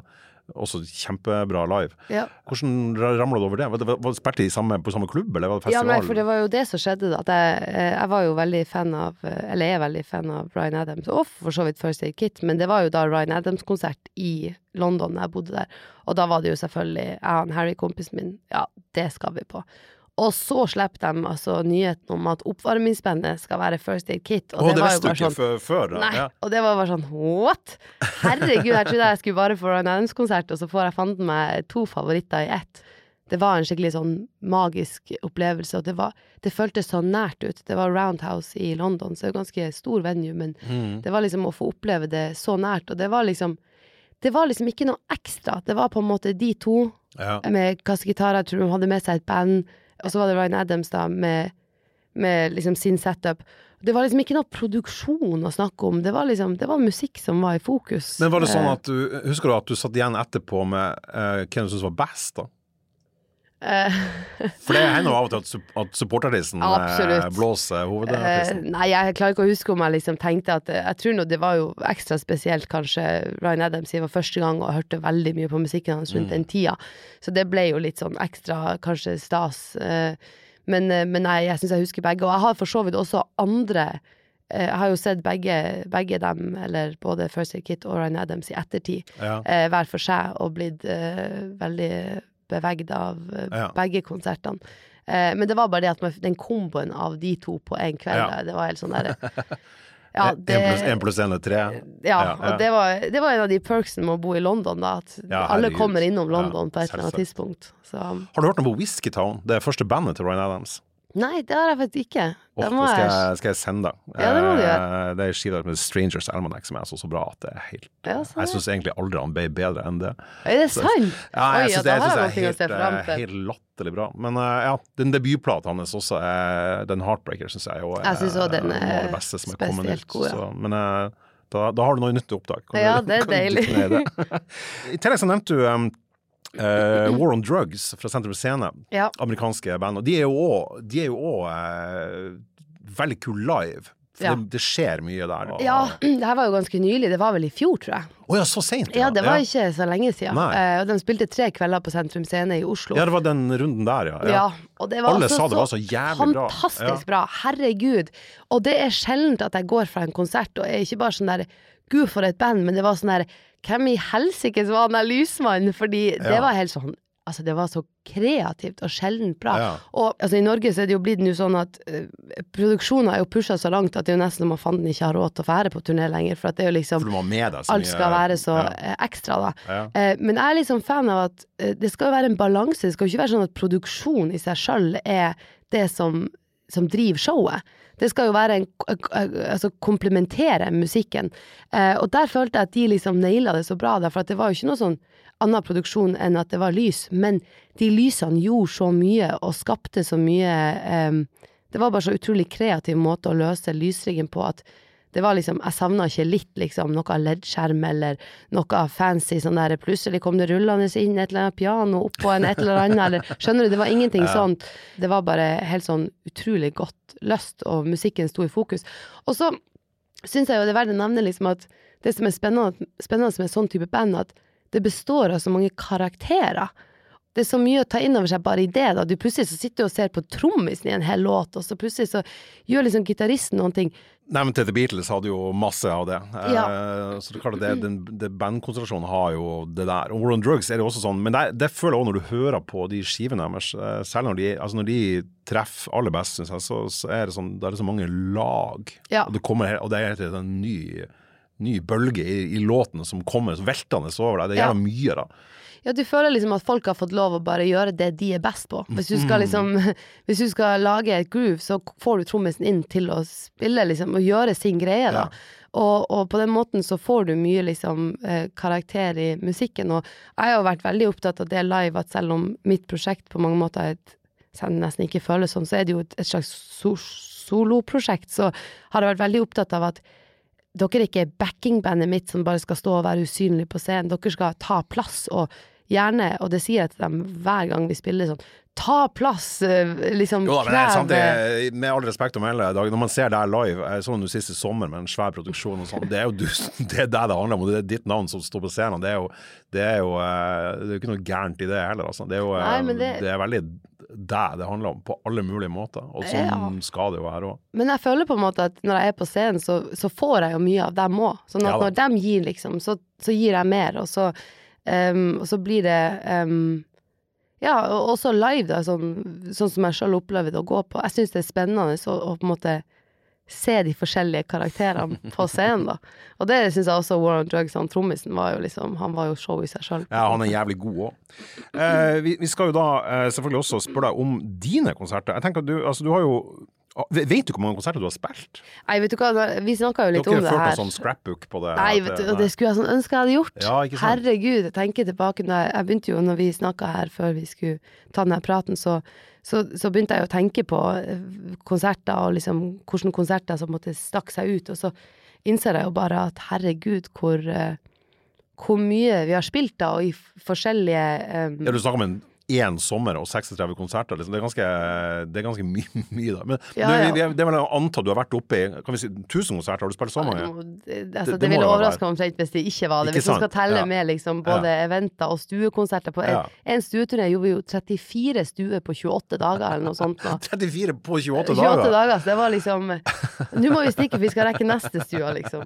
Eh, sånn at det har vært mye spilling, ja. Eh, Men da, men da i hvert fall, siden du ikke har ført denne boka, som, som vi nå må si da til alle, alle musikere der ute som er i startgropa, ha ei sånn bok, skriv ned. ja. Skriv gjerne settlista over, så har anledning til det, for det blir veldig artig å se tilbake på. Og gjerne noen sånne stikkord om hver konsert, Ikke bare sant? sånne ting som kanskje skjedde eller stakk seg ut, Ja. eller ja. Men har du, noen sånne, har du noen sånne konserter som er særlig minneverdige, at du tenker at uh, den fikk du lyst til å bare liksom, på en måte kaptivere og putte inn i hjertet ditt som et sånn evig minne på den gangen alt var perfekt? Har, har du noen sånne her? Der er jo noen turneer som skiller seg spesielt ut, kan du si. Det her var jo faktisk ikke vår turné, men det var en turné vi fikk ta del i. Vi ble invitert med på en turné med, med Laney, et amerikansk ja. band, da. Eh, på deres eh, svære USA-turné. Det her var i 2017. Totalt ukjent, for jeg har ikke hørt på det. Det er litt pinlig å si. Men, Um, eh, og de har jo en sånn der helt utrolig dedikert fanskare. For det første, det som var spesielt med den turneen, var at vi hadde fått den turneen, og så hadde vi eh, bestemt oss at vi skulle dra, og så hadde plateselskapet, da, Republic på det her tidspunktet i USA, sagt at ja, vi skal støtte den turneen. Og så plutselig, en måned før turneen, så gjorde de sånn helomvending og sa at nei, vi syns du må prioritere å være i studio, så vi, vi har ikke tenkt å liksom så plateselskapet trakk Ja. seg på De trakk seg rett og slett. Uh, og vi skulle jo starte i begynnelsen av september, og det her var vel i la oss si midten av juli, da. Men da var jeg så, innstilt på at vi skulle dra på denne turneen, og det var jo en jeg tror vi gjorde 40 konserter på 60 dager, eller noe sånt, så det var jo en svær svær ja. turné. I, over Um, hele USA, da? Ja, over hele USA, Ja. og det skulle være vår første bussturné. Ja. Eh, så det var jo I veldig Nightliner, eller? Ja. ja, ja. Og det var liksom, vi var jo så sykt gira. Men når de trakk seg da, så var det jo liksom bare Så hadde vi et valg, og det var rett og slett å enten bare akseptere at sånn ble det, eller så var det faen meg bare å brette opp armene og finne ut ok, hvordan kan vi løse det her. Um, og jeg snakker veldig lite om, uh, om penger, men, uh, men det var jo en veldig dyr turné. Uh, ja, for det koster penger å være med som support når du er på det her nivået. Nei, men det var jo, man, sant, man skal jo ha med seg musikere, Ja. man skal jo Vi måtte betale litt for nightlineren, man skal jo eh, komme seg over til USA, det var noen visa involvert, og det var noe mye greier, så det skulle bli veldig dyrt, da. Og mange hundre tusener, liksom. Og det virka helt håpløst, men jeg var altså så innstilt på at denne turneen skulle skje. Ja, prosessen hadde starta i hodet Ja, ditt. og vel så det. Ja. Så vi klarte altså, jeg og um, lurer på at Det var jo hun Jory, hun som jeg jobba litt med i London, og jeg lurer på om søstera mi var involvert òg. Vi klarte å skaffe de her pengene da på under fire uker eller noe sånt. Akkurat i tida for å liksom hive seg på det her flyet. Det for meg ble sånn, der, sånn punkt der jeg innså at hvis du virkelig, virkelig, virkelig vil noen ting, og virkelig er villig til å ta absolutt alle utrolig awkwarde Altså, her var vi sånn der omtrent på sånn der at vi sendte ut mail til de ti rikeste i landet for å liksom høre om de kanskje kunne sponse litt. Altså, det var på det nivået. se- Send dere mail til sånn Kjell Inge Røkke og sånn? Nei, men det var mer sånn lokalt kanskje her i Tromsø, men, men det var virkelig på det nivået, da.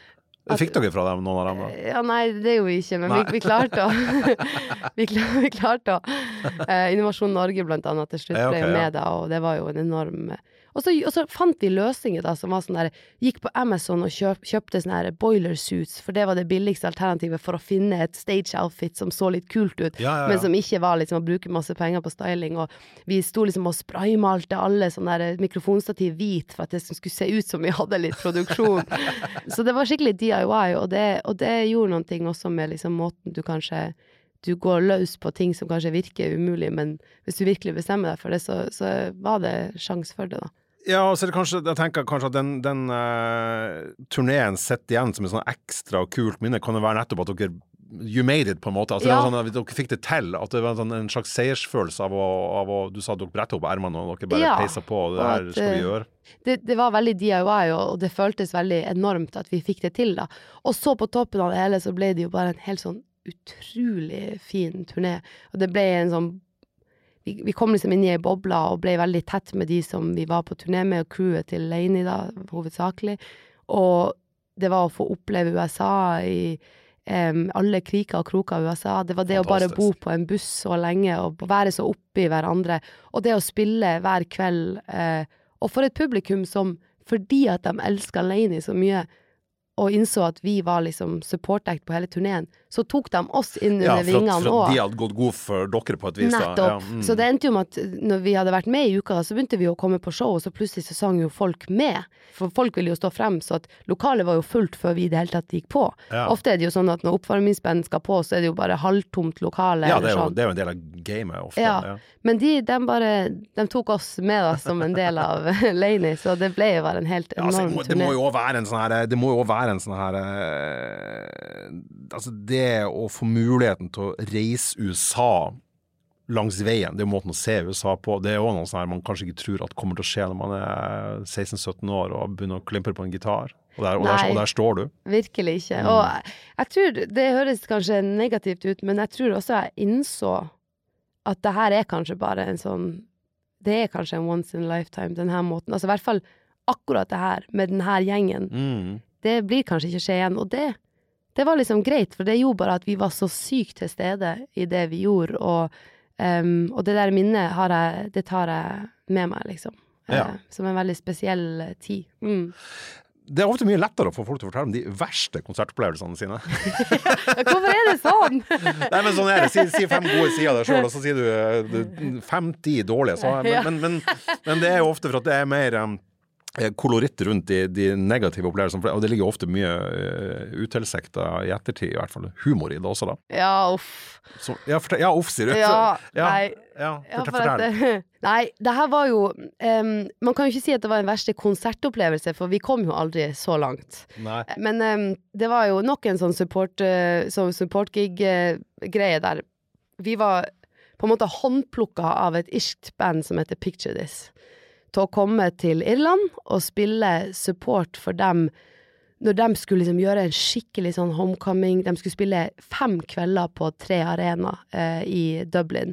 Så det var jo sikkert jeg vet da søren, 70 000 billetter eller noe sånt. som 70 var- 000 billetter? Ja, som var solgt. Ikke hver kveld, Nei, men altså til nei, nei, nei, men hallo.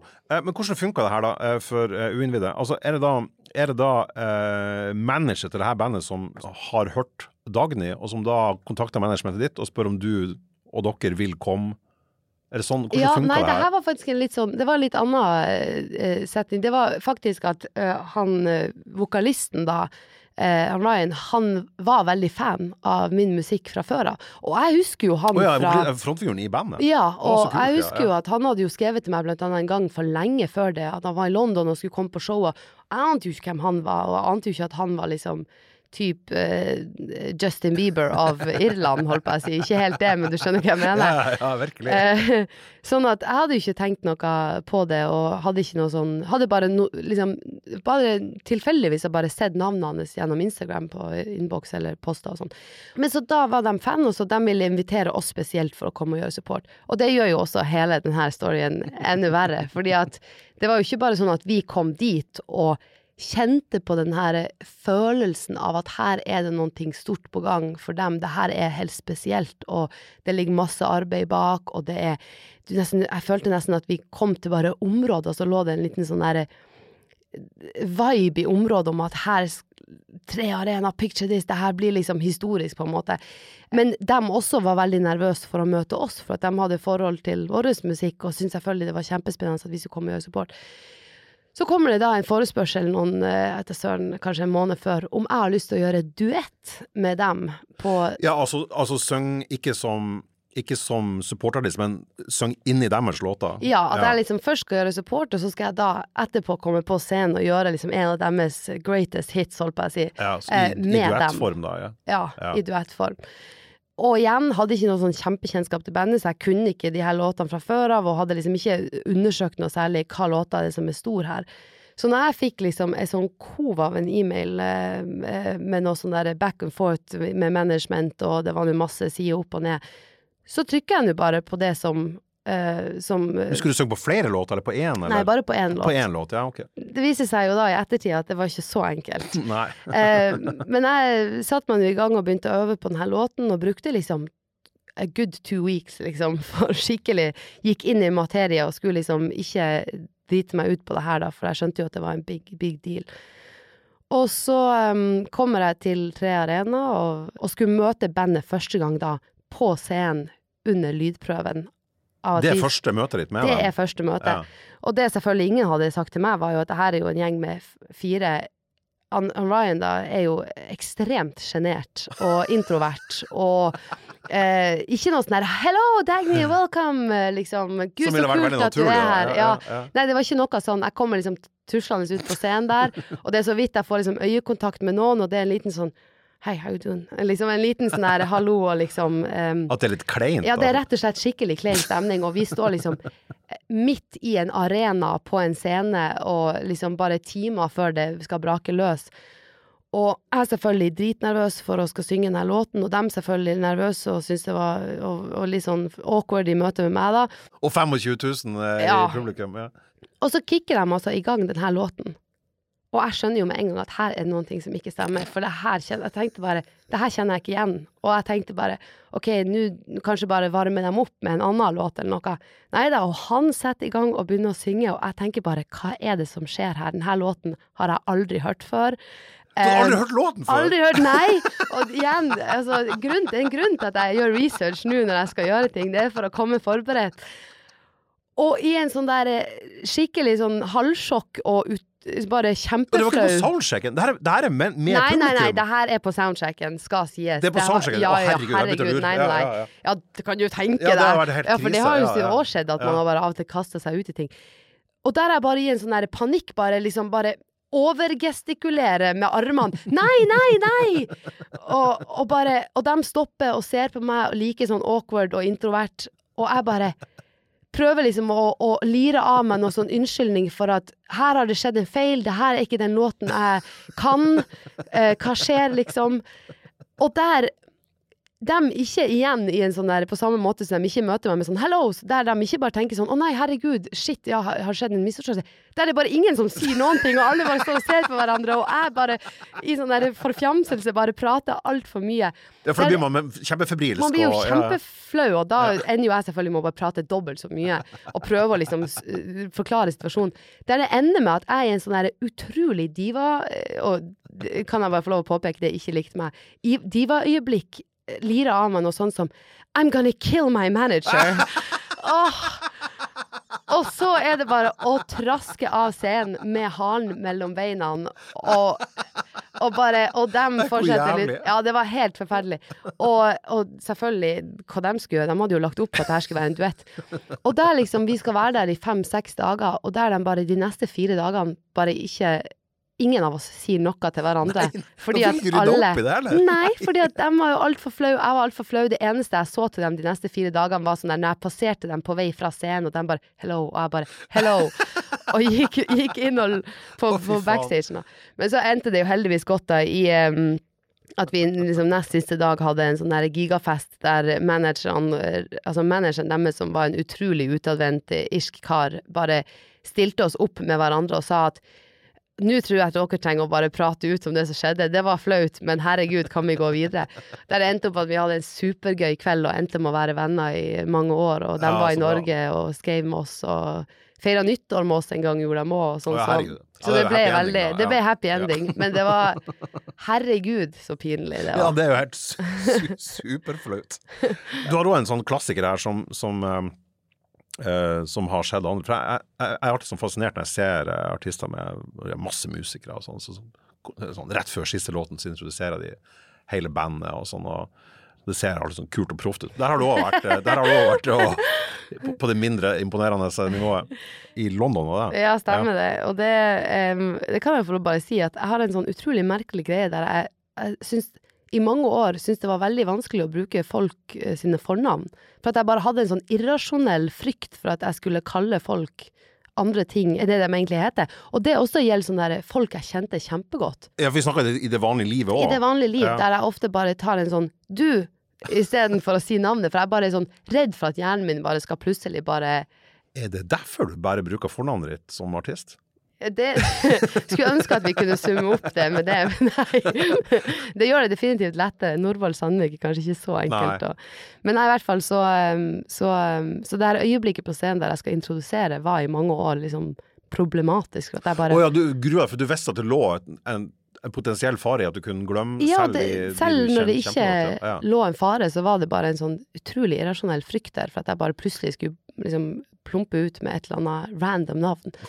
Um, der vi uh, er i London og skal spille på Apple Store Regent Street, av alle ting. Og hvordan det skjedde Hva som gig in store? Uh, Ja, sånn gig in store. Ja. Og der vi hadde jeg og Richard som spilte gitar da, og uh, hadde fått henta inn eh, en, en kar som heter Harry. Som vi hadde møtt på en eller annen sånn der open mic night omtrent noen uker før. Um, og han skulle spille cajon, som var veldig populært på det tidspunktet. Cajon, det er en liten sånn boks du sitter på og slår på. Ja, sånn der Eh, liten ja, det var veldig ja, populært ja. en periode. Og der vi liksom gjør konserten, og, og, og jeg sier ok, eh, før siste låt så vil jeg bare introdusere musikerne mine. Strekk ut handa veldig sånn, sånn stort eh, mot han Richard og sier 'this is Richard'. Og så da snur jeg meg mot han Harry, strekker ut armen, ser på han og tenker bare hva i Guds navn er det han heter? Nei, nei, nei. nei, Og det eneste som går gjennom hodet mitt, er bare Ben, Ben, Ben, Ben, Ben. Og det heter han jo i hvert fall ikke. Der jeg bare til slutt må bare liksom sånn halvhviske til han sånn her Sorry, what's your name again? Og han ser på meg, og han ser på meg og sier It's Harry. It's still Harry. It's still Harry.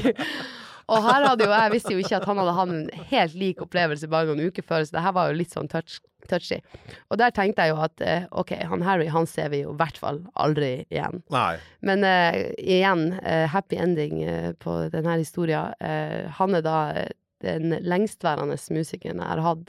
Han er fortsatt still going strong etter, tror jeg, 11-12 år. Han spiller da, Han spiller tromme. Mm. og er også Kjæreste med Kjæreste med søstera mi, og vi bor i lag, hele gjengen. Og, Altså, det gikk jo eh, altså, han er family på det ja, her Så det tidspunktet. gikk jo, eh, det gikk jo Så, da veldig ja, bra. bra. Treg, trang, rar start. ja, det var, det var en tøff start på forholdet. Driver han og eh, refererer til det fortsatt? Nei, han, han er heldigvis ganske kul på det der. Han, han kan ofte referere til, for det som skjedde etter det, var at jeg og han Richard da dro For ut i verden og reiste, og tok ikke kontakt med han på åtte måneder, så han trodde han var ute. Litt sånn klassisk oss-stil, men eh, dessverre. Men, eh, men der han da ble invitert på faktisk stueturné eh, august 2013, og, og falt eh, pladask for Norge, og han ble veldig integrert i i min vårs verden. Altså han er Ja, han i og i bandet. han er jo så familie han er def, veldig ja. familie. Ja. Du kaller han ikke for Ben når du har drukket? Nei, det hender sånn, når jeg skal plage han litt, så, så slenger jeg ut en liten Ben, men det Det er jævlig bra. Du har jo også spilt mye sånn her eh, event. Ja. Og event er jo øh, det man ofte gjør som Det er jo ofte salt på grøten for mange artister. Når Ja. spiller de for øh, bedrifter og, og, og foreninger og sånn som ønsker å ha litt, litt underholdning. Mm. Det kan være kjempekult, øh, det, og jeg skjønner jo veldig at mange må gjøre det. Men der er det Mange av de rareste opplevelsene folk har, er ofte fra event. Har du noen sånne eventopplevelser der, ting- der du har følt at du har vært på feil sted? Ja, guri meg. Ja. Um, for det første så er jeg så glad i å spille at eh, jeg vil ikke se tilbake og være sånn Nei, jeg kunne ha spilt eh, 100 ekstra konserter på de årene der, og så takker jeg nei. Jeg vil bare ut og spille, og jeg syns det er mye man gjør seg mye erfaringer i de situasjonene òg. Mm. Eh, og får spilt og blitt samspilt og sånn. Så, så, vi har egentlig vært ganske glad i å gjøre eventer, og, eh, og selvfølgelig økonomisk sett så har det vært eh, veldig bra. I en verden der streaming kanskje ikke nødvendigvis og sånne ting. Men i hvert fall så fikk jeg jo litt sånn røft møte med eventbransjen, da. For det her var jo eh, når jeg fortsatt gikk på videregående og hadde akkurat begynt å spille litt sånn eh, rundt omkring i byen og ble invitert da, til å spille på et såkalt event eh, i sentrum. Var det et firma, eller var det Ja, jeg husker ikke helt hva Nei. det var, men det var, det var nå um, Det var nå på et hotell, i hvert fall, husker jeg. Um, og jeg sprang ned i friminuttet. Uh, så, på dagtid? Ja, for jeg var jo på dagtid, ja. sant, og jeg var jo på skolen. Jeg, men det klaffa nå sånn at jeg kunne springe ned i friminuttet og den halvtimen der. Og da skulle jeg gjøre én, to egne låter, sikkert de to egne låtene jeg hadde, og så en julelåt. Så jeg hadde jo øvd i ukevis for å klare å liksom eh, kompe meg sjøl på gitar, spesielt på den julelåten. Ja, for det var bare du? Ja, det var bare ja. meg. Men jeg kom nå ned der og rigga meg til og skulle spille og var kjempespent. Og så, før første låten, så er det ei som reiser seg opp og sier ja, nå skal vi ha liksom eh, den kulturelle innslaget, og um, jeg bare, eh, Før vi setter i gang, så vil jeg også bare eh, nevne at vi har lagt ut noen skjema her på bordene deres som, som dere gjerne kan fylle inn, da. Så, skjema? Ja, det var noe sånn der Jeg vet ikke om det var noe skjema de skulle fylle, jeg vet da søren hva det var, men det var noe et eller annet. Så det, første låten, så, så, endte, så endte det med at Altså, folk satt jo på sånne små bord. Så det endte med at jeg bare så bakhodet av alle som liksom satt liksom lent over på de her skjemaene, og folk hviska til hverandre ja, hva de skal svare her, og Så det var liksom De var uinteressert i det som skjedde på scenen? Ja. ja. Og så skal jeg jo liksom gjøre låt nummer to, da. Og da eh, igjen så reiser vedkommende seg og sier at ja, eh, flott med de skjemaene, kan bare legge dem, samle inn her, komme rundt. Eh, men nå vil jeg også bare si at eh, nå er buffeen klar, så nå kan dere gjerne bare eh, Nei, mens du spiller? Ja, så nå kan dere egentlig begynne å forsyne dere mens vi har det her kulturelle innslaget. Nei, fy faen. og, og det som var jo pinlig det her, det var at jeg sto jo på en måte bare på enden av alle de her bordene, på gulvet, liksom. Det var ikke noe scene, ingenting. Og den her buffékøa, da, den skulle da gå rett forbi der jeg sto. Så, så, det endte med at jeg sto der og liksom uh, skulle spille mens var i veien. køa ja, Det var omtrent litt sånn Unnskyld meg, vi trenger litt ekstra plass her, kan du, kan du gå litt til siden? Men, men den der køa gikk liksom en halvmeter fra der jeg sto og spilte. Og folk liksom litt sånn derre Eh, med ryggen sånn halvveis til, liksom snudde seg og ga meg et lite sånn der bekreftende sånn nikk, sånn ja, he-he, og jeg bare he-he. Men det var altså Ja, det var bare en utrolig spesiell setting, og da veldig uerfaren og eh, ny i gamet, og selvfølgelig hadde øvd og eh, var masse adrenalin i kroppen. Jeg husker bare at jeg pakka sammen denne kassegitaren og gikk mot heisen og, og det bare Det pressa altså så på bak øynene. Som i, eh, som i tårer? Ja, for ja. Var, man blir så fylt av adrenalin. Så det ja, blir så, man, man, blir så Alt blir jo veldig forsterka, da. Der hun, hun, som kom og liksom hadde uh, booka meg, var, kom og springende 'Dagny, Dagny, um, jeg vil bare si at det var så flott, og herregud, så bra, og sånn her. Og jeg husker at jeg bare Jeg klarte liksom ikke å si noe, for at jeg, jeg Så jeg bare mm, tusen takk, tusen takk, og jeg fikk den her heisen, og idet heisdøra gikk igjen, så var det bare Så begynte du å gråte? Ja. ja. Nei, så det um, Man bærte nå kanskje i enda større grad følelsene utapå da, og det var jo selvfølgelig visste jeg kanskje ikke på det tidspunktet heller hvordan jeg skulle håndtere situasjonen. Det føltes som et brutalt møte med eventbransjen. Men det er jo, jeg tenker sånn, når du, når du forteller det her, så, så, er det jo jævlig artig å vite hvordan det da gikk. Altså, du, har jo, du har jo hatt braksuksess, det kan man jo si uten å liksom overdrive på, på noe vis. Du har vanvittig eh, eh, høye strømmetall, du, du trekker masse folk på konsertene dine. Du har fått gitt ut debutplata di, eh, drøssvis av singler, du har samarbeid med masse artister både innenfor rock og pop og i forskjellige land, og eh, merittene dine på alt du har gjort, er, er, så lange at det går ikke an å ramse opp. Men jeg, jeg liker på en måte å binde i hop det, det, det, du starter med, nemlig at, det, med at du, du, du, har jo gått den lange, lange veien, da. Du har stått på event og sunget julesanger fremfor folk som var likegyldige, og du har, du har kommet til konserter der ting ikke har fungert som, som, som du har trodd. og, og, og mm. Og du var jo også en såkalt late bloomer. Du var ganske Ja. seint ute i gamet til, til, eh, til det som er vanlig, i hvert fall. Sammenlignet med det som er- med det som er vanlig. Tror du at den liksom, sånn, litt sånn lange veien mot der du har eh, endt opp, har vært bra for deg? Ja, det tror jeg absolutt. Jeg er i hvert fall ekstremt glad for den tida, og alle tidene egentlig, eh, der de har vært veldig ulike faser av ting. Så føler jeg meg veldig, veldig glad for at jeg har fått lov å bare ta alle de stegene og én stein av gangen og gjort seg de erfaringene. Og alle de erfaringene har jo vært en utrolig spennende del av reisen. Um, og, og få lov å leve det livet, og fått lov å Kanskje også de første årene der det kanskje ikke var så mange som fulgte med på det vi gjorde, så fikk vi fortsatt lov å gjøre det, men kanskje uten det presset fra hva det skulle være, og vi har fått testa forskjellige ting og spilt i forskjellige konserter og gjort oss forskjellige erfaringer. Og eh, det har vært en utrolig sånn spennende reise. Men, men, Um, men det, det, det jeg tenker at eh, eh, Nå hørte jeg at jeg avbrøt deg. Det, Nei, det, gjør ingenting. Det, det, det jeg mente, det, var at for det er sånn bevisst at jeg ikke drar frem masse sånn strømmetall og sånt, for det, Mm. er- det litt sånn kjedelig. Det, det er sånn usexy måte å snakke om musikk på, eh, og snakke om salgstall og sånn. Men når du da har kommet der du er nå, Mm, og der du har veldig høye eh, strømmetall, og du, og du trekker masse folk på konsertene dine, og du er headliner på de festivalene du spiller, særlig i Norge og sånn, men, men også i utlandet. Kjenner du at, at det her gjør at når du da skal gi ut en ny plate eh, og legge på nye turneer og med nytt materiale og alt det, kjenner du på at, at det er mer press på deg, eller er det mer sånn at det her vet jeg at jeg kan? Nei, jeg tror For det første så tror jeg liksom den der følelsen av Den der tanken man har kanskje tidlig om at man skal komme til en plass og bare tenke at når jeg gjør Når jeg oppnår det, eller når jeg kommer dit, ja, da er jeg Gud, da har jeg landa, liksom. Den kommer aldri. Nei. Det er en sånn evigvarende Altså, jeg føler jo fortsatt eh, veldig ofte når jeg ser sånn at herregud, jeg, jeg har ikke peiling på hva jeg driver med. Hvordan, hvordan må man skrive en låt igjen? Og så liker jeg at jeg aldri kommer dit, fordi at jeg fortsatt har masse å lære og utvikle meg. Men det er klart, jeg kjenner jo på at jo mer jeg gjør det, jo mer jeg er redd for at det skal forsvinne.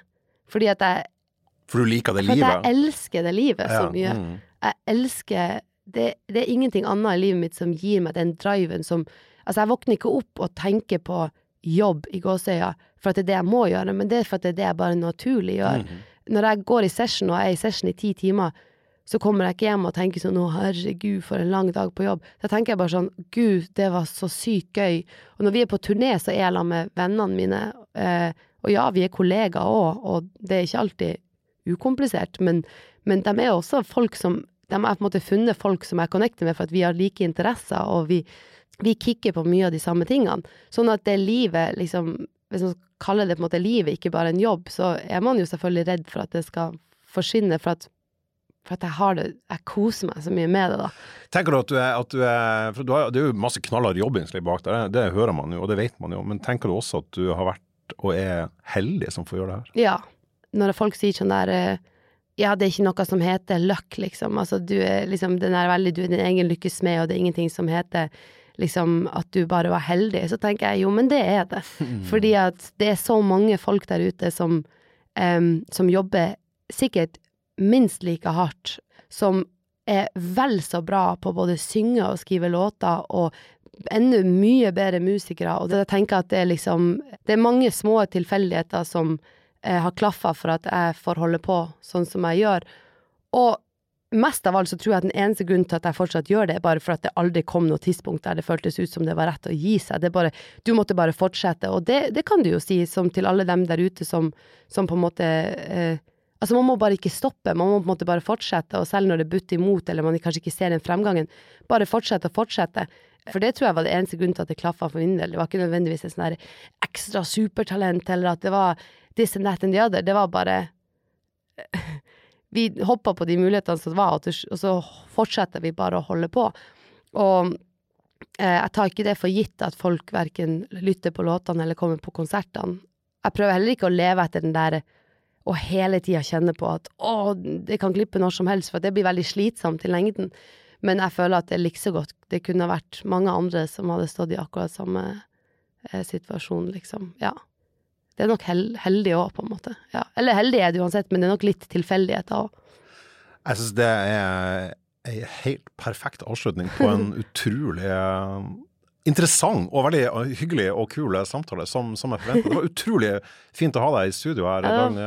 veldig hyggelig å være Jeg her. var veldig glad, glad for at du kunne gjøre det i Tromsø. Det må, Ja. jeg, må jeg intervjue deg i Tromsø. Eh, lykke til videre ut i karrieren din, og fortsett med å tro på det du holder på med, og, og fortsett å ha flaks og være god, for det er du også. Takk skal du ha.